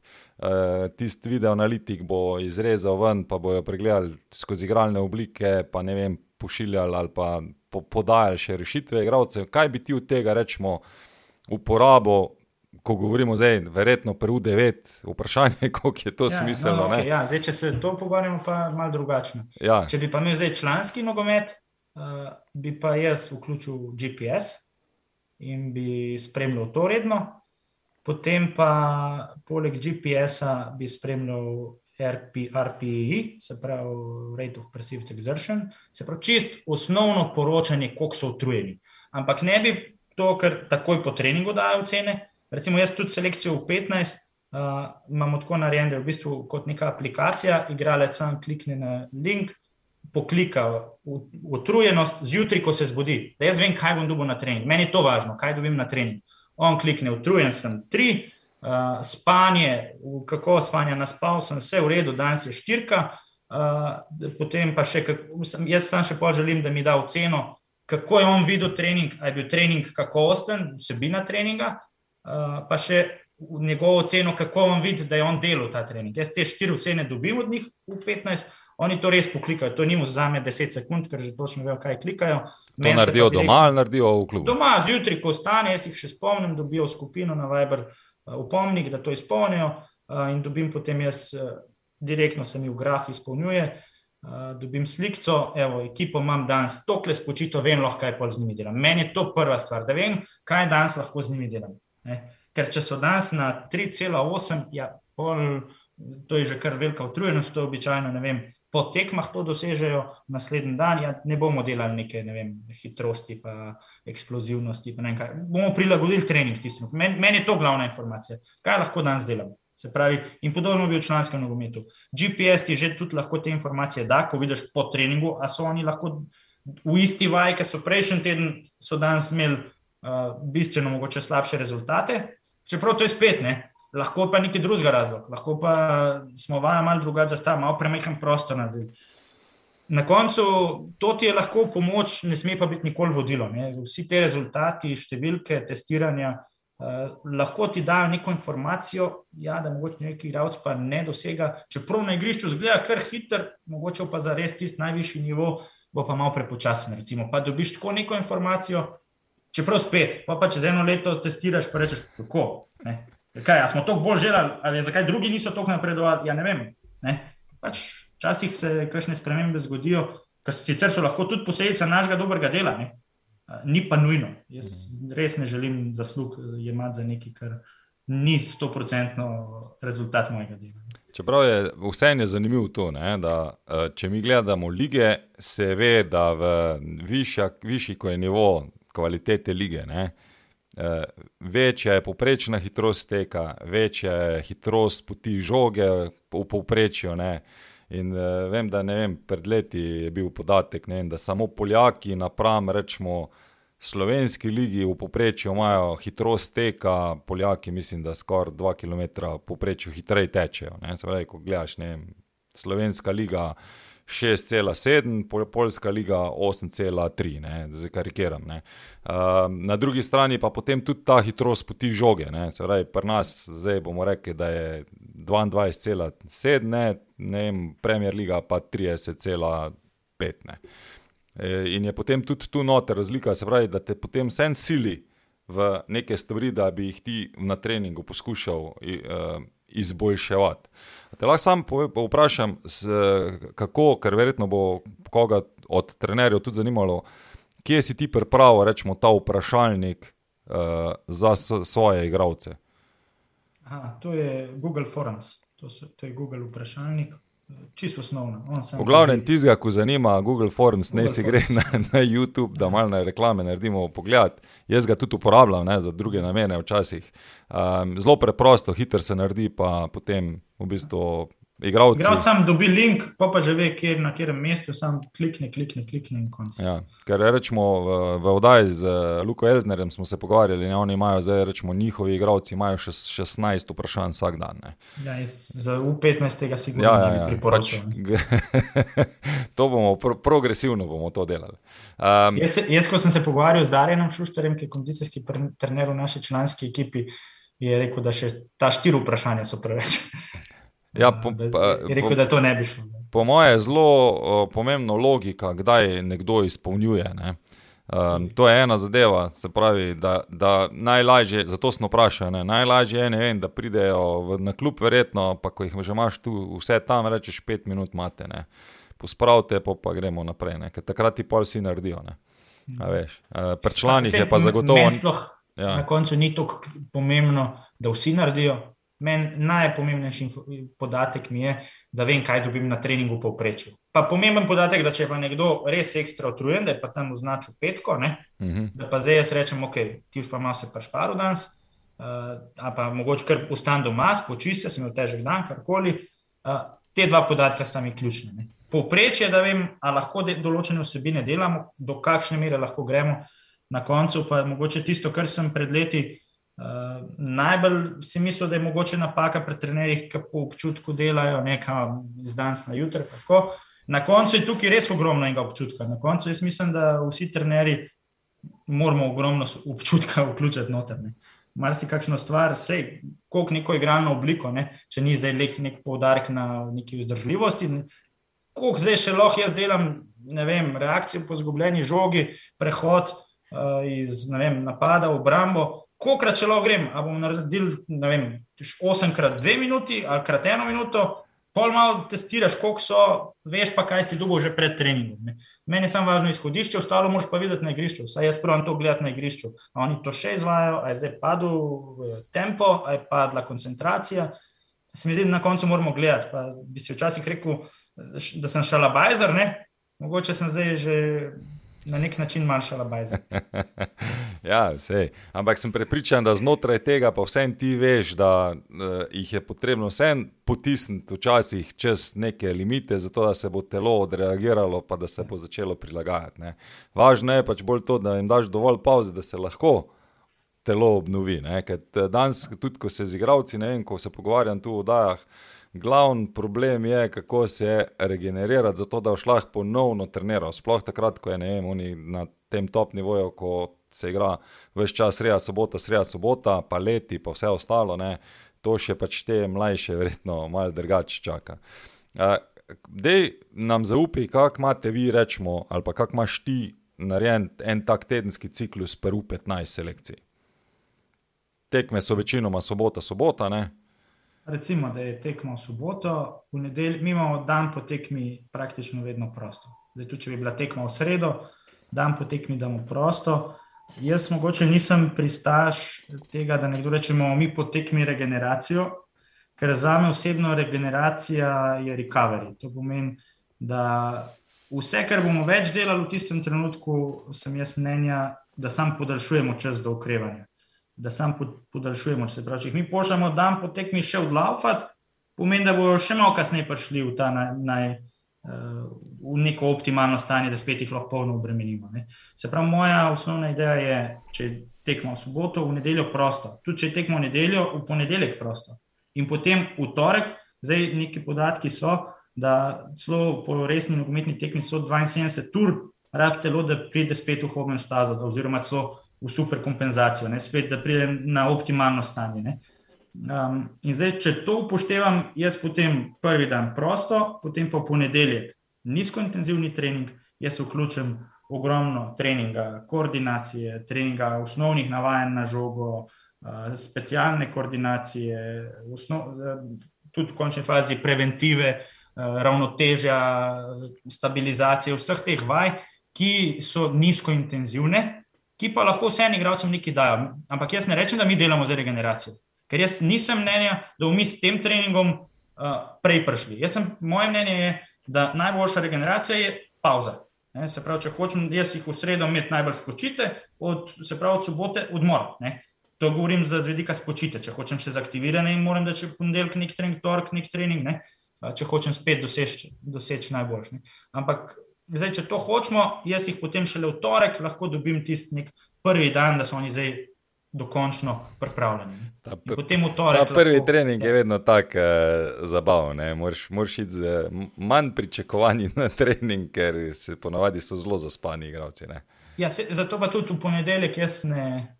Čeprav ni resno, v 15 jaz, jaz tega ne opažam. No. Pri članih to sigurno, uh, pa se z Darjem pogovarjajo, pa mi pove, uh, kako mora on na te stvari gledati. Ja. Da je to včasih more dati po tekmi trening, da bo pol čez dva dni dober trening, lahko, ne? da imajo vmes en dan, frej. se pravi, oni spet na ene druge stvari pozoren. Eni naredijo pri... zjutraj 45 minut treninga, zato da lahko popovdne naredijo dober trening. Naprimer, ja. da jih zbudijo prvo. No, ampak jaz v torek dobim res dober trening. Torek, sreda je moj eh, najboljši trening, kjer se lahko tudi neke maksimalne obremenitve z vidika ali neke moči. Eh, hitrosti, česar koli v tistem trenutku, vzdržljivosti. Kdaj delaš hitrost, pol torek? Uh, zdaj se bom tako dotaknil. Jaz specifično hitrosti ne delam. Zdaj, rekel, zdaj pa delamo mi maksimalno hitrost, eksplozivnost, uh, skozi neke izolirane vaje jih ne delam. Moja izkušnja je enostavno bila takšna. Um, Ampak, ampak delaš skozi igro ena na ena. Kot pozitivnih. Ne. Ampak delaš e, skozi, vsaka... skozi igro ena na ena, dva na ena, to pa je. Ja, pa handicap, ja, ali... handicap pa to. Ne. Ja, ali pa v končni fazi skozi neko igrano obliko, dva na dva, karkoli, vse na koncu. Na koncu je težava kondicijske priprave, ne, to se pa lahko zdaj še za nekaj ur eh, zapletla, vsaj meni se je tako izkazala, da vse to je prilagojeno individualni kondicijski pripravi nekega individualnega športnika. In zdaj mi rečemo, mi imamo v torek vzdržljivost, ne, mi imamo vsak dan vzdržljivost. To je vse vzdržljivostni trening. Karkoli ti delaš, je vzdržljivost. Ne? In zdaj mi rečemo, ja, zdaj imamo pa še distanco. Znotraj ene igrane oblike, on to enih, ali pa hit, zdaj pa še hitrost. Ne? On je pa prej že vmes 45 minut enega fusbala odigral. In zdaj, kako bomo mi zdaj kle še neko hitrost, on je že utrujen prišel na hitrost. Da bi pa sama hitrost delal, v glavnem moja izkušnja je bila, uh, da je bilo, pa niso to sploh bile neke tako poškodbe, ne? ampak čim smo vključili, pa smo dali v paru ena na ena, kdo je prvi prežogi, sem rekel, ja, kle poskušam. 50 metrski, 40 metrski sprint, neko maksimalno hitrost dosegati, ne, tok in tok ponovitev, vse po metodi v nulo. Ja, jaz vem, da sem vsak trening od 15, sta se dva, trener mene loža, mene to, pa na koncu se šteješ čez to delo za ohranjanje, en manjka, naslednji čem bolan. Pa se na koncu nič ni bilo, čez dva dni, so, ali pa en dan so bili vsi v redu. Sam niti niso večinoma prišli skozi nek proces. In jaz sem na koncu začel to opuščati, pa sem rekel, da se bom raje več posvečal igri. To, to je bila moja izkušnja, ker tudi na koncu spet hitrost, ja, avtor hitrost. Vmes jim pa dal že neko igro, ki je vse hitrost, vse oni vse delajo na maksimum. Ne. Kje je zdaj ta hitrost, pa eksplozivnost posebej, pa to uh, štartna hitrost, ne. karkoli, to je vse polno obremenitev. Če jih daš pa v trening 3 na 3 plus 2 jokerja, ne, uh, v, v vajo, tam ima pa in štartno hitrost, če imaš dovolj veliko igrišče, še neke večje hitrosti dosegu, vzdržljivost ima noter v tem, sto enih stvari, ali pa hitrost reakcije, praktično vse to, kar smo se mi učili, pa zdaj ciklizirali, pa sestavljali, daš pa eno vajo, pa vse te ponovitve na redu. Sam problem pa je, da zdaj pa jih vprašanje, če bo zdaj napredoval, ali je to bilo zdaj dovolj. Mi pa zdaj ne moramo nadzirati, ne? da rečemo, ja, zdaj pa to dovolj za razvoj. In zdaj sem v dilemi, ali je to prav, kar delam, ali ni prav, ne vem. Sam v enem trenutku mi je praksa pokazala, da sem to začel opuščati in se posvečam dejansko tistemu, kar lahko nadziram, ker tega več nisem mogel. Če sem pa začel sam to delati, sem pa moral fusbal ven vršiti. Sem rekel, ne, danes tega več ne moramo. Ne moramo mi zdaj potem še v igro, tudi jutri ne moramo.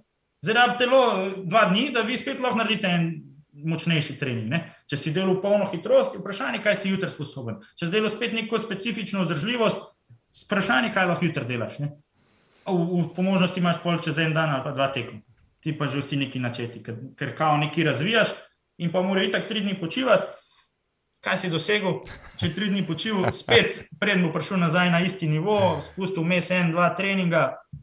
Ne vem, v glavnem, to, to bi bilo lahko za.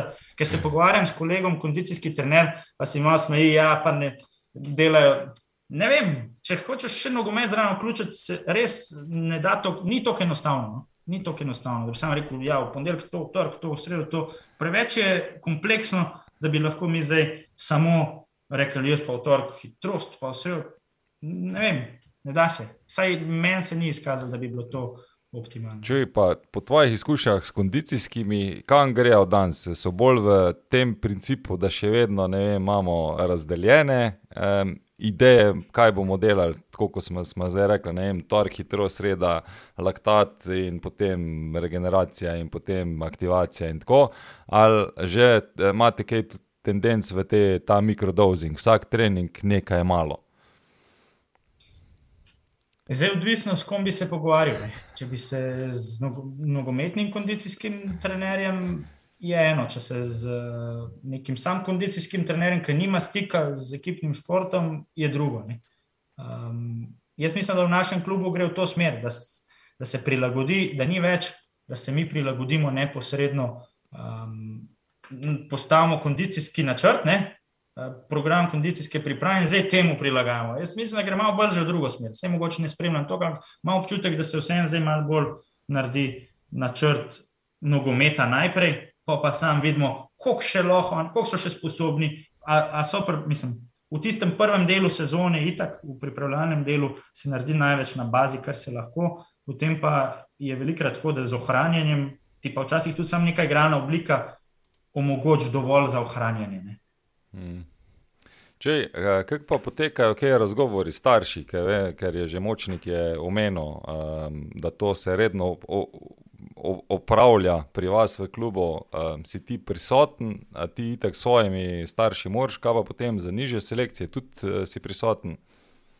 Zdaj, če dam primer v 15, uh, naredi se vedno, tudi pri mlajših selekcijah, vedno na začetku sezone sestanek, kjer se poda neka osnovna navodila, pravila, kakšna je vloga staršev. Zdaj, moje mnenje je, da so starši res pomembna figura v razvoju teh otrok, s katerimi mi delamo. Ker mi ne moramo si zatiskati oči in reči, da uh, zdaj so tukaj otroci, so naši, niso naši, to so še vedno njihovi otroci. In jaz sem prvi v tem, v, v tem da želim starši sodelovati. Vse na koncu vem, težko je in staršem in trenerjem, kakšen otrok ne dosega določenih standardov in bo v enem trenutku manj igral, in to tudi starši težko sprejmejo, včasih kdo to tudi nekulturno odreagira, ampak to je del nogometne folklore in s tem se jaz sploh na koncu več ne obremenjujem, pa tudi ne sem jaz tudi. V klubu se noben več s tem ne obremenjuje. Če kdo z nami ni zadovoljen, vedno lahko zamenja sredino. Naš cilj je pa vedno, da pomagamo otrokom v sodelovanju s starši, ker na koncu je to res njihov otrok. Kdo reče, ja, ne se ne vtikajo? Ja, vtikati se morajo. Jaz želim, da starš pride in reče: Moj otrok je žalosten. Da mi jaz vem, lahko, kako lahko pomagam. To je meni osnovno vodilo. Meni je to res osnova. Ne igra v redu. To je problem, ki ga včasih ne moremo rešiti. Igra jih lahko 17, jaz jih imam pa 18. Uh, iščemo rešitev. Ali ga bomo dali nekam v en klub, kjer bo igral tekme, pa nas bo treniral. To je že ena od rešitev. Okay, zdaj se sam dotaknemo tega. Ampak pogosto so tu druge stvari, ki jih otroci sploh mlajši kot so, teže pridejo povedati trenerju, kaj, kaj ga tišči, kaj mu ni všeč. In jaz sem prepričan, da starši so osnova. Starši, mi, trenerji, res moramo z njimi komunicirati in, in moramo biti sposobni tudi presluhati, včasih, čeprav je tudi nam težko, čeprav tudi starš mogoče kdaj nima prav, ker ga je nekaj prizadel. Sam jaz svojih otrok ta trenutek nimam, sam vem, da mogoče bi kdaj isto neumno odreagiral kot kakšen drug starš. Ne? Ker za svojega otroka bo verjetno vsak vse naredil. Pa dejstvo pa je, da vsak starš svojega otroka vidi vsaj 50% boljšega, kot, kot je v resnici. Ja, Tako da, ja, v glavnem, starši sodelujemo, nujno ne pomeni to, da vodijo kljub daljši od tega. Ne, ne, razumem. Ampak rečemo, kaj, kaj je vodilo pogovora, ko ga, ko ga imaš ti? Rečemo, se, uh, verjetno ne, ne pride starš na sestanek, pa ti rečeš, imate kakšno vprašanje, ampak rečemo, imate verjetno nek protokol. Kako se staršu predstavi, kaj se dela, zakaj se dela, kje je otrok in kje želite, da bi bil otrok. Imate, imate nek tak protokol, uh, ali je to pač odvisno od otroka in starša. Kaj se dela, kako se dela, se vedno pred sezono predstavi. In potem, če se to jasno pokaže, potem je tudi teh individualnih razgovorov manj. Hmm. In ko pride starš na sestanek, včasih pride kdo jezen, včasih pa vesel. Uh, Kakršen koli že pride, vodilo je vedno razvoj otroka. Kaj še pride, fulno smejan, pa misli, kako je fajn, otrok zabija gole, pa ga moramo mi soočati. Ne, on je na petih procentih tega, kar bi moral dosegati. Uh, on premalo daje na treningu, starš niti ni občutka, mislim, da je fulano. Ne, mislim, pogovarjamo se o teh stvarih, osnovno vodilo. Napredek, nogometni napredek, ampak ne tudi socialni, vse na koncu je to. In ve, večino krat starši pridejo s, tem, s temi problemi, se skregajo z enim igravcem, en drug starš. Ne vem, takšne stvari, ki jih moramo mi reševati. Mi ne moramo reči, ne, ne, naše je samo nogomet. Ni res. Mi ne moramo ločevati nogomet, to, to je vse življenje. In mi smo dobili teh 20-18 otrok, so nam jih zaupali starši, mi z njimi delamo. Ja, včasih je to zaupanje malo porušeno, se moramo pogovoriti, pa se spet vzpostavi. To to je neka osnova in tudi pri naših selekcijah. In zdaj, če je tako, če včasih začutimo, da bo tudi sestanek mal šel v napačno smer, saj da takrat se tudi, recimo, potem um, sestanek izvede, da, nas, da pridem, ne vem, glavni trener, pomočnik, vodja in se lepo pogovorimo. Um, ampak jaz res niti ene, res slabe, da bi imel slabo izkušnjo, uh, je nisem imel. Pa tudi ne verjamem, da kdo v našem klubu bi imel, za res neko takšno slabo izkušnjo, ker vse izhaja samo iz tega, uh, da ima vsak mal drugačen pogled. Mi malo drugače vidimo otroka, starš drugače vidi otroka, ampak še vsem, na koncu vedno pridemo blizu. Na koncu vedno pridemo blizu. Če pa ne moramo priti blizu, pa pač se naše poti razidejo, ne gre pa nič na silo na koncu. Ja, razumem. Ja. Ej, eh, en korak bi še nazaj naredil, prej sem na eno stvar pozabil o tej ciklizaciji vprašati. Ko imate vi mhm. trening narejen, ne, eh, to, to me zelo zanima. Imate kaj, rečemo, eh, moja ideja, rečemo, osnovna je bila pri najmlajših, ne vem, 9, 11, mogoče tudi 13, ampak 13 malo manj.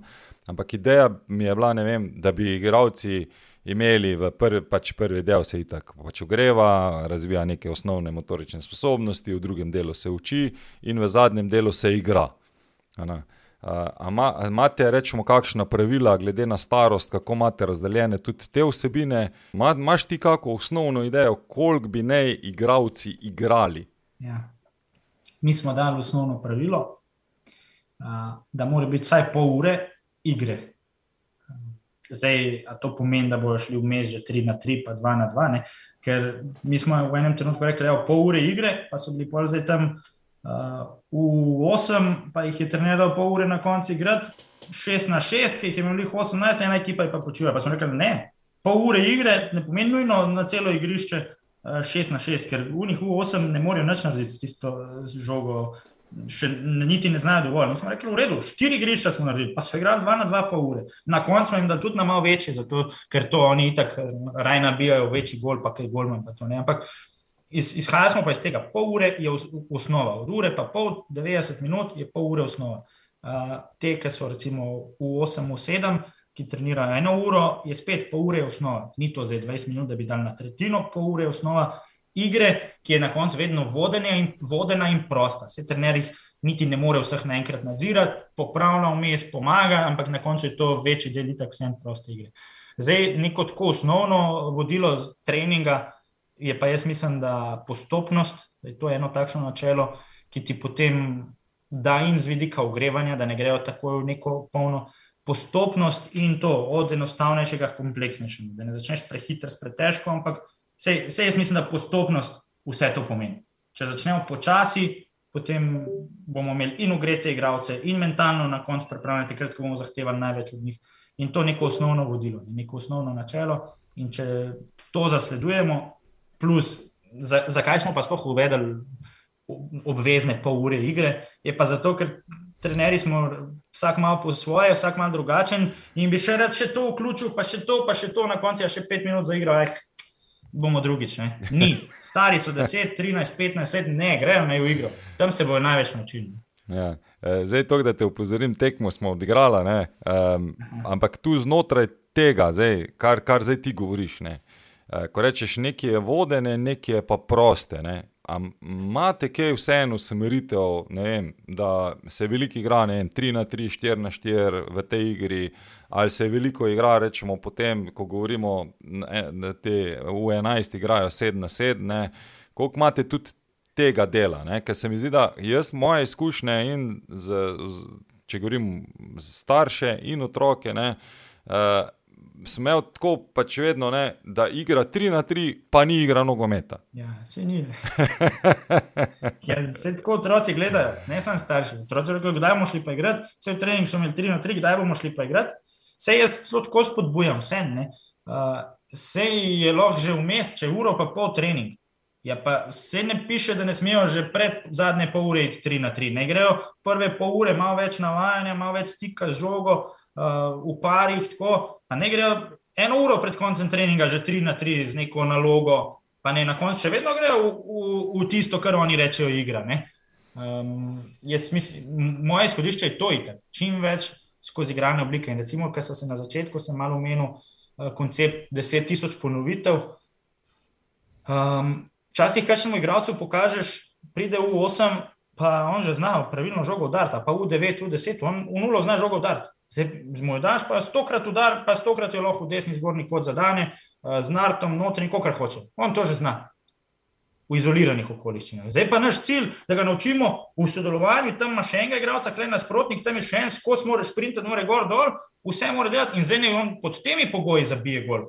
Pod temi pogoji ne pa naredi 10 tisoč ponovitev. Zdaj 10 tisoč v steno, jaz imam občutek, da, da to je mogoče, vsaj moja izkušnja je, da igralcev v par treningih nek element, oni ga znajo vsi praktično izvesti.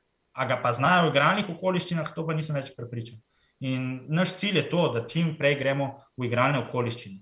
In omogočiti, da tam je, pod, evo, vse mi lahko gremo v neko igralno obliko, v 11, v 12, učimo udariti znotraj delom stopala, pa zunanjim, karkoli. In zdaj znotraj tega, to je že igra, ja, to je nek, neke vrste pepček, igralna oblika, karkoli, lahko še gole dodamo. Um, in jim sam damo navodilo, lahko si podajate samo zunanjim delom stopala. A je, zdaj, a je zdaj to že igra, ni na koncu bomo rekli, da smo uro pa pol sami igrali, ok, mogoče prvih 20 minut ne, pa smo šli pa že v neke igrane oblike, pa še na koncu smo rekli, zdaj pa prosto, 6 na 6, uh, gol zunanjim šteje pa uh, ne vem, 5 točk, super. Ne? Se pravi, a je to zdaj vodena igra ali ni, a je prosta, spet. Uh, Ni, mislim. Osnova pa je eno, vsaj jaz zasledujem, tudi moj nasvet bi bil, osnova pa je skozi igro. Zdaj, deset tisoč ponovitev v steno, nisem prepričan, da je to rabljeno. Ne, ne, sej, govorimo, vse mi, če govorimo o nekih izoliranih zadevah, ne, je absolutno drugače, kot pa če si ti v nekem okolju. Ampak vse ne, neka postopnost učenja ali pa količina, predn bo, zdaj, ko, ko tako karikiram, ne, predn bo otrok sposoben voditi, dvigniti. V nekem hitrem teku glavo, pa pogledati svoj cilj in ga zadeti v tem istem teku cilj. Ne bo kar nekaj časa potreboval, preden bo to lahko naredil brez obrambnega igralca. Kaj še le potem, da se še nauči, pa da, da ima še nekoga na roki, zraven pa da ga bo lahko zadržal. Zato moja izkušnja je, ko gledam neko U10, U12, zato že, že res jim gre, ne? da to že res gleda, da to on dvigne glavo, pogleda, kje ima svoj igralca, gre v dribling, gre ena na ena šutira. In, in v teh pogojih oni že to dobro delajo. In zdaj, ko enkrat to vidim, U11, in oni so to že sposobni delati. Ja, pa, pa res, da ima tega čim več. Če je on sposoben v igrani obliki, pa da ima enega jokerja več, pa ne igra 3 na 3 z dvema, tremi jokerji, bo imel toliko večji višek v igri, bo to lažje te stvari izvajal. Ne? In če je on sposoben, zakaj bi jih pol še nazaj vračali, eno fazo nazaj? Ne, sej, sej, jaz ne govorim, da bi jih vračal nazaj, da ne bo pomote. Ne. Jaz absolutno. Če, če gledam svoje začetke, ne, sem absolutno premalo igral. In premalo uh, čakal, bil potrpežljiv, ker to tudi opazujem. Ne, uh, potrpežljiv, da igravci naj, naj, poiščejo tisto rešitev, ki jo ti iščeš. In ko jo najdejo, takrat jim poveš, ok, to iščemo. In Bravo. poskušamo čim večkrat to ponoviti. Uh, všeč mi je ta nasmeh, zdaj to je bil. Ja, ne, zato je to še ena moja, ne, to je pa res ena od stvari, ki jih, ki jih pa bi jaz želel isto, mislim, ki jih pri sebi opažam, da jih zasledujem, pa tudi mislim, da je, da je to neka osnova učenja. Ne, da mi skozi popravljamo, kdaj narobe, pa ne zdaj to, pa to ampak pust in ki je naredil prav reči, e, bravo, bravo, to, to, to hočemo, to. In zdaj on bo takrat si bistveno več naučil, takrat si bo zapomnil, ah, tako moram. Ja, zdaj sem malo drugačen, ja, pa je šla, ja, to moram. Ne? Če pa mi sam to ni prav, to ni prav, to, ni, to moraš drugače, on si zapomni, takrat je prav naredil. Če smo pa ti rekli, bravo, to je to. Mm, in tudi kak stoji, in vse ostale stvari. Posod. posod. Ampak zdaj, če gledamo, mi dva kaj ti vidiš, glavni problem, rečemo, potem, zakaj imamo mi težave mlade igralce priključiti v člansko moštvo, kje imamo največ deficita, kaj bi mi morali spremeniti, da bi jih lahko več. A imaš ti občutek, da je samo strah trenerjev, da ne upajo zato, ker so mladi, ali vseeno nekaj manjka, se pravi, niso dovolj, da niso dovolj kvalitetni in jih pač zaradi tega ne priključijo. Jaz mislim, da, pol niso v podaljških, če se zdaj še vedno. Gremo novo tekmo. Smo v podaljških, ampak. Ne, um, ni to eh, enoznačnega tukaj zgora, saj jaz ga nimam. No. Zdaj, če bi jaz vprašal Grabiča, je ne. On, če bi vedel, da mu ta igralec, njega ni strah. Ne. Jaz vem, da ga ni strah. In če vedel, da mu ta igralec ta trenutek lahko igra, da mu več kot un zraven, ki je 25 str. Koga dal igrati, nima to veze. On bo dal sigurno igrati tistega, ki bo v danem trenutku v njemu boljši rezultat dal. Je pa res, da vsem pa zasledujemo, da včasih pa vsem bo porinil enega, ki je mlajši, pa mu reče, da tega pa razvijamo, pa gremo naprej. Tudi če v kakšna točka manj, tle, tle bomo recimo dali prednost nekomu. Ne. Ni, jaz, jaz ne vidim takšnega problema tukaj. Vse mladi igravci ne strinjam se, da kar ne dobijo priložnosti. Sej, se ti zdi, da je dovolj priložnosti se dobijo? Ne, ne vem, ali je dovolj, odvisno, kaj je zdaj merilo, da je dovolj. Uh, zdaj, če, če gremo gledati uh, statistiko, bravo, bravo ekipe članske, ne, je to ena najmlajših član, ekip v Evropi. Zdaj, kaj pa? Dejstvo je, da pač mlajši igralci spet se vrnemo na biološki razvoj, ja, niso še na istem nivoju. Ne. In če še pri članskih se to opaža, še pri članskih vidimo razlike. Ne? Nekdo, ki je 27, pa nekdo, ki je 21, se še vidijo razlike. Ja, kako se ne bojo razlike videle prej, ker se pozna v pol metra višine, pa širine. Ne? Kako se prejmemo. In podobna zgodba je tudi o članih. Njihov razvoj še ni, eh, še ni zaključen, niti mentalni, niti fizični, niti tehnični. Vsem so oni še toliko več treninga naredili, še sedem let več treninga taktični, taktične sposobnosti, vse to. In ni, se, jaz, jaz ne, ne rad posplošujem, da je preveč slovencev, premalo slovencev v, v, v ekipah, preveč tujcev, premalo tujcev, prestari, premladi. Ne, ne rad to posplošujem. Zdaj treba točne številke najti, pa jih soočati. Sem pa prepričan, da ga ni trenerja, ki bi imel 17 let starega igralca, pa bi vedel, da je boljši od tistih, pa ga ne bi dal igrati, zato ker je mlajši. Ne če bo nekdo dovolj dober, ga bo. Če bi pa zdaj mi rekli, neko politiko sprejeli, mi pa hočemo, ne vem, sam ne vem, kaj bi zares s tem dosegli.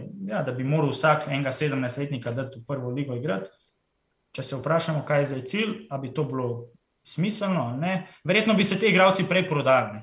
To, če je cilj prodaja, bi se verjetno prej prodali. prodali. Da mi zdaj damo 17 let, da mora vsaka ekipa enega uh, igralca letnik 2005 imeti v ekipi, uh, vsaka članska ekipa v prvi ligi, mora igrati v prvi postavi, vsaj en polčas, pa da vidimo. Verjetno bi se te fanti malo bolj razvijali, malo hitreje, vsi bi bili na porednem položaju, ne? ker pa ne bi mogla ena ekipa imeti samih izkušenih, uh, ena pa treh mladih, pa bo ona zaradi tega rezultatsko uspešnejša. Ne? Mogoče je pa to zdaj ena od stvari, če hočemo mi porivati v spredje mlajše. Hmm. Kako pa, pa ti pa gledaš zdaj na to, ko se pripravlja za naslednjo sezono, sprememba, da se v 15, pa 17 družite in uh, U19, se pravi, mladinci grejo v svojo ligo? Um, ne vem, ima prednosti in slabosti. Um, ena od stvari, ki se mi ne dopade, je igralni čas. Zdaj, dan sem gledal kadetsko tekmo. Um, prvo, ko, šlo, ko se je igralni čas podaljšal, zdaj 2x45. Ja, ok, bo kdo rekel, ja, zdaj rabijo čas, da se navadijo. Sam že, se že preko gledam, v 15, 2x35 minut, prvih 20 minut je dober futbol, zadnjih 15 polčasa je pa že na meji. Um, in zdaj bo to, tega še več. Te fanti pač res niso sposobni, mi, mi jim kar isti igralni čas damo, oni še niso na tem nivoju. Zdaj je recimo na nivoju. Uh, in bo kdo rekel, ja, pa, pride v reprezentanco, uh, tam pa reprezentance pa že igrajo 2x45. Ne? ne vem. Uh, nimam, nimam odgovorov. No. Ne bom pameten, vsaka stvar ima prednosti, zdaj sem en, eno slabost izpostavil, zdaj pa to, da oni hodijo skupaj na tekme. Pa ne vem, mislim. Jaz bolj kot organizacija, sicer vem, da večinoma to vsi vidijo kot res veliko prednost, mogoče se bo dala večja pozornost, verjetno se bo izboljšala mladinska liga, oziroma kot neka primavera, ne, bo postala dodaljša. To, to vidim kot prednost, da bojo lahko nekaj par posameznikov starejših, da bo lahko nastopili v tej ekipi. To vidim kot prednost, uh, to se mi zdi pomembno. Um, verjetno se bo tudi v 15 nivo mal dvignil. Vprašanje pa, kaj bo s kadetsko ligo. Bo zdaj zaradi tega kadetski nivo malo upadel, ker bo več igralcev, kadetov v tej primaveri igrali. Uh, v vsakem primeru se bo pa ta v 19, oziroma v kakorkoli že to bo v 20 liga, ne, uh, bo dobila nek višji nivo. No. In bo to, to bo zdaj bistveno bolj gledljivo, bistveno bolj, več kvalitete bo skoncentrirano v tej ligi. Medtem ko v 15 bo pridobila ne vem, nisem prepričan, pa kaj to pomeni za kadetsko ligo. Mm, jaz imam samo en pomislek, ne? mene zanima, kaj se bo zgodilo z ekipami U15 v nižjih rangih tekmovanj in U13, ne? Kjer, imamo, kjer je tista največja baza trenutno. Ne? To je največ ekip, največ uh, otrok je vključenih še. Ne? Zdaj, po moje, zna biti kar pestro. Mi, mi kar mislimo, da je pa to nek razpad. Ni, ne bojo kar propadle te ekipe, ki ne bojo več v prvi. Bo, to bo zdaj ratala neka močnejša druga v 15 ligah. Če sem jaz prav razumel, bo šla na vzhod, zahod, tega prej ni bilo. Mogoče bo še celo več uh, klubov pod tem okriljem v 15. Zdaj bojo pa, zdaj bojo pa to kot neko primerjalno prednost. Tudi te klubi prodajajo. Ne? Zdaj neka ekipa, ne vem, rekel Škofja Loka, igra v Ligi v 15 in zdaj to za njih oni niso več v MNZ, zdaj so oni v 15 zahod, bo lažje noter ustal, uh, vsem bo imeti boljše tekme, ker zdaj lahko ta ekipa igra eno leto, dve v Ligi v 15, pa poli spade. Vprašanje je, če je to res dobro za njih. Ne? Res je, da se bo skoncentrirala neka kvaliteta. Samo vprašanje, ali se v U15, zdaj, ker bo enotna liga, skoncentrirala kvaliteta, ali se bo fizika. Mm. To je pa mhm. zdaj vprašanje. Tisti... No, res je, ne? Ker to še najbolj pride do izraza, pa tudi v kadetih, ko večinoma so to igravci vsi uh, izhodni kadeti. Ne. Če hočeš, da ne izpadeš iz lige, igraš z izhodnimi kadeti. Ja, to, to je tudi ena od variant. Ja. Ok, uh, da mi reč. Kaj je tvoj glavni cilj ob tem, da se zdaj z francoščino začel učiti? Kje, kje ti vidiš, da potrebuješ nadgradnjo, kam se boš usmeril v svoj lastni razvoj? Ali, nima, ali, ni, ali nimaš časa? ne, ne, eh, časa, časa je dovolj za takšne stvari, vedno. Eh, povsod, predvsem pa vidim tako, ne, da lahko ogromno dobim, če si pogledam trening ali pa tekmo v živo. Da si grem pogledati, zdaj imamo uh, ogromno tujih ekip v Sloveniji in ta trenutek, in prejšnjih mesecih, ko prihajajo sem na priprave. Že da greš pogledati različne trenerje, tukaj potem lahko ogromno dobim. Predvsem pa imam občutek, da v sami igri čist taktične rešitve, odločanje, pa potem tudi potem rešitve različnih trenerjev, ki imajo različne koncepte, zakaj se je nekdo tako odločil. Um, predvsem pa, ko grem potem to gledati, jaz se na ta način, na ta način poskušam največ obivati. In ko to vidim, je pa zdaj to. Ne? Jaz, recimo, sem bil pred časom sem bil v akademiji od Southamptona, pa predtem še v Atletiku Madridu. Jaz, ko pridem tja, pa mislim, ko pridem nazaj, jaz nimam zdaj odgovorov, jaz imam samo še več vprašanj. To je, to je neko.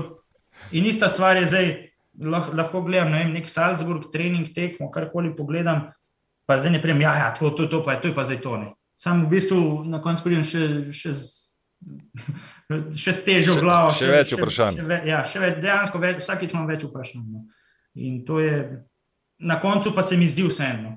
Uh, več teh vprašanj, kot imaš, bolj na koncu tudi vidiš, da moraš pa vseeno paziti, da se ne zaciklaš. Da, da vseeno na koncu imaš enostavno svojo idejo. Da je tvoja ideja enostavna, znotraj tega pa vidiš vedno več rešitev. Če se primerjam danes, pa pred petimi leti, ko sem prevzel selekcijo v 15, jaz danes v igri vidim precej več nekih stvari, pa jih poskušam popravljati, pa igravcem uh, polagati, uh, kamorkoli že.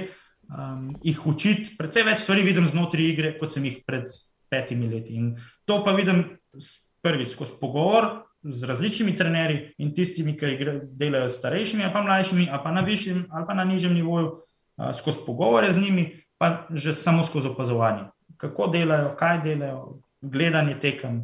Uh, na ta način, jaz mislim, da lahko ogromno dobimo. In potem to vidiš v igri. Tako, mislim, da je mogoče to z moje strani. Pravi, čim več taktike. Čim več taktike pa ni to taktika, spet, spet ne da se predalčkati, ni to taktika. Karkoli se pogovarjamo, je to vse fusbal. Ne, ja. ne moramo reči, da je samo taktika. Če, pa, pa z napačno nogo, pa bi tle bilo bolj, da z drugim delom stopala, pa je slabo pripravljen. Vse to je vse. Meni se, men se zdi, da je to vse na koncu, da se ne da, ne moramo reči, da je to taktika. Edino, če rečemo, da je nogomet taktika. Ne. Če ja, te je kdo od igralcev do zdaj, tako, kar si jih treniral, tako ekstra navdušil z odnosom, performancem, da ti je ostal v spominu? Ja, so, so, sem ne vem, če jih lahko, lahko imenujem. Zakaj ne? ne? Vsako sezono je kakšen, ja, pa ne celo več, tri, štiri so. To, jaz imam to srečo, da delam v klubu, kjer so fanti večinoma vsi z glavo, da, da bi želeli biti profesionalci. Ja, eni so potem. Uh, eni sa, preveč sanjajo, ampak uh, vsake sezone je pa od 16-17 fantov, jih je pet, ki delajo vse, kot, vse da bojo jutri profesionalci. Oni bi naredili vse, kar jim rečeš. Ne? In v vsaki ekipi praktično nekaj teh posameznikov, ki rečeš, evo, to je pa zdaj zgled, ta fant pa ima in neke vodstvene sposobnosti, vse bo naredil za to, da bo uspešen, vsak dan bo živel za to. Um, pa imaš kaj tega, ki si ga treniral, pa je zdaj na top nivoju, pa veš, zakaj je tja prišel, rečemo. No? Tako bi, en... tako bi ti jaz rekel, ne vem, Bojan Jokič, me razumeš. Pač ja, delal sem z njim, ne, nisem ga jaz ustvaril, da ne bo pomote, ne, ampak to, kar si ti rekel. Ne, ampak veš, da te je impresioniral z odnosom, z delom, z načinom razmišljanja. Da, da bi zdaj, uh, jaz sem z manj mlajšimi vsem začel, da še niso eh, na tem nivoju, bojo pa mogoče v naslednjih letih. So pa zdaj se prebijali, recimo eno takšnih je Nikolaj Jovičevič ali pa zdaj uh, Gal Puconja, to so fanti letniki 2003-2004, ki se zdaj prebijajo v članski nogomet, uh, v reprezentancah mlajših, uspešnih. Um, mogoče, ampak to so vse. Jaz mislim, da te vsi, ki prihajajo noter, pa redko kakšen je takšen, da ima slab odnos. Redko kakšen, vsi so tam zaradi odnosa. Uh, 99%. Vem, vem, da bo vedno nekdo rekel, ja, kaj pa ta, ta pa je vedno bil len, ja, sem od stotih jih je 99 delavcev, če ne niso tam. Ne, jaz, problem je, ker sem jaz videl že 100 talentov, ki so slabo delali, pa jih ni blizu. Ne? Pa jih bomo danes našteli, pa rekli, da ja, se ta, kje pa je ta, tega pa ni. Ja, valjda ga ni, ni delo, že pet let ne dela. Ne? Uh, in na koncu je odnos je pa vse. Tisto, kar jih pa tudi mi moramo od U9 pa od U8 naprej učiti. Uh, odnos. Na koncu je odnos do dela, do treninga, do soigravcev, to se vse povezuje. Ker mo, moj občutek je, da redko kakšen igralec uh, s slabim odnosom daleč pride. No, lahko rečemo, da, da je to tudi sporočilo za, za igralce. Če želijo igrati nogomet. Ja, samo oni tega itak ne poslušajo. oh, bi bil presenečen, po mojem. Veš, ja, ono, po po mojem, tvoja ekipa bo cela to preposlušala. ja, upam, da je. Ker, pa, ta moja ekipa, tudi če ne bo poslušala, letošnja, so res, res pridni. Ja. Lahko okay. bi bili brez trenerja, jaz bi jim sam postavil vaje, pa bi, pa bi oni super oddelali. Ja, sam je še pol tiste, veš. Tisti tist na koncu, so pa poper, ne pa še kakšna čarobna začimba zraven, ko jo rabijo. Kaj bi pa staršem sporočil? Da ne sam ustrajajo na ta način. Sej, jaz nimam nič slabega za povedati.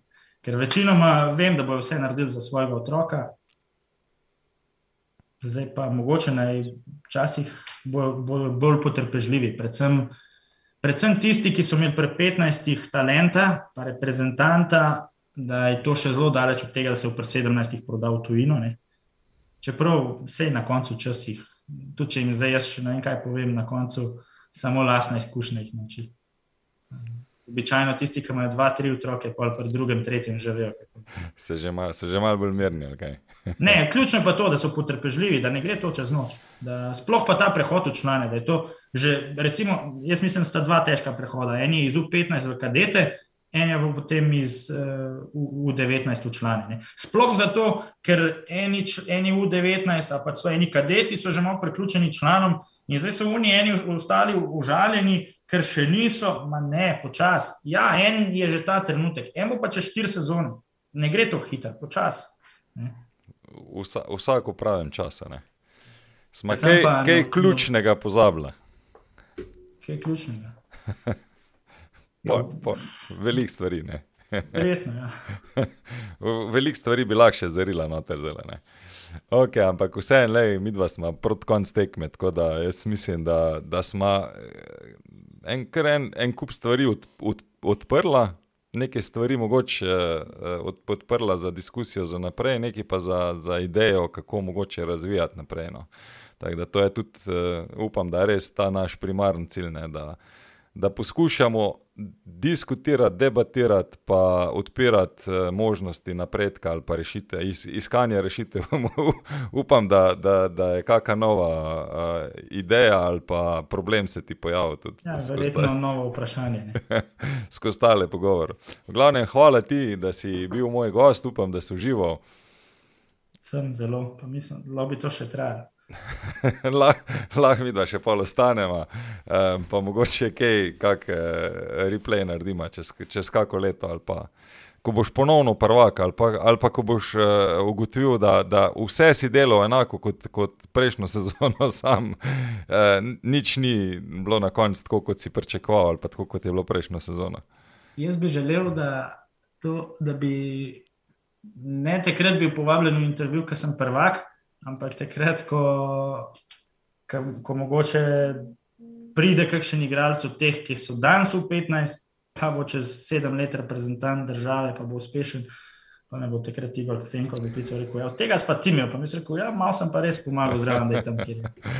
Ej, pa nisem te povabil, zato ko si bil prvi. No. Ampak, ampak moram reči, da se, se srečujemo, se poznamo neki let zdaj že. Ne, um, pa mi je všeč pač pristop, način uh, tvojega dela. Tudi mislim, da so tvoji šefi zelo zadovoljni s tabo. Tak da, um, uh, všeč mi je tudi, ker pač ne skopariš z mnenjem. Uh, To je pač vseeno bistveno. Ni, tvoje mnenje ne sme ogrožati nikogar drugega, ne? ampak je samo tvoje mnenje. Če se pa kdo počuti ogroženega, pa njegov problem. To, to je postala moja filozofija. Včasih sem se isto tako malo sekiral, kaj bo pa on mislil. Ne? Ampak, jaz, jaz ne povem vedno vsega. še še, še prešparati. Ja, okay.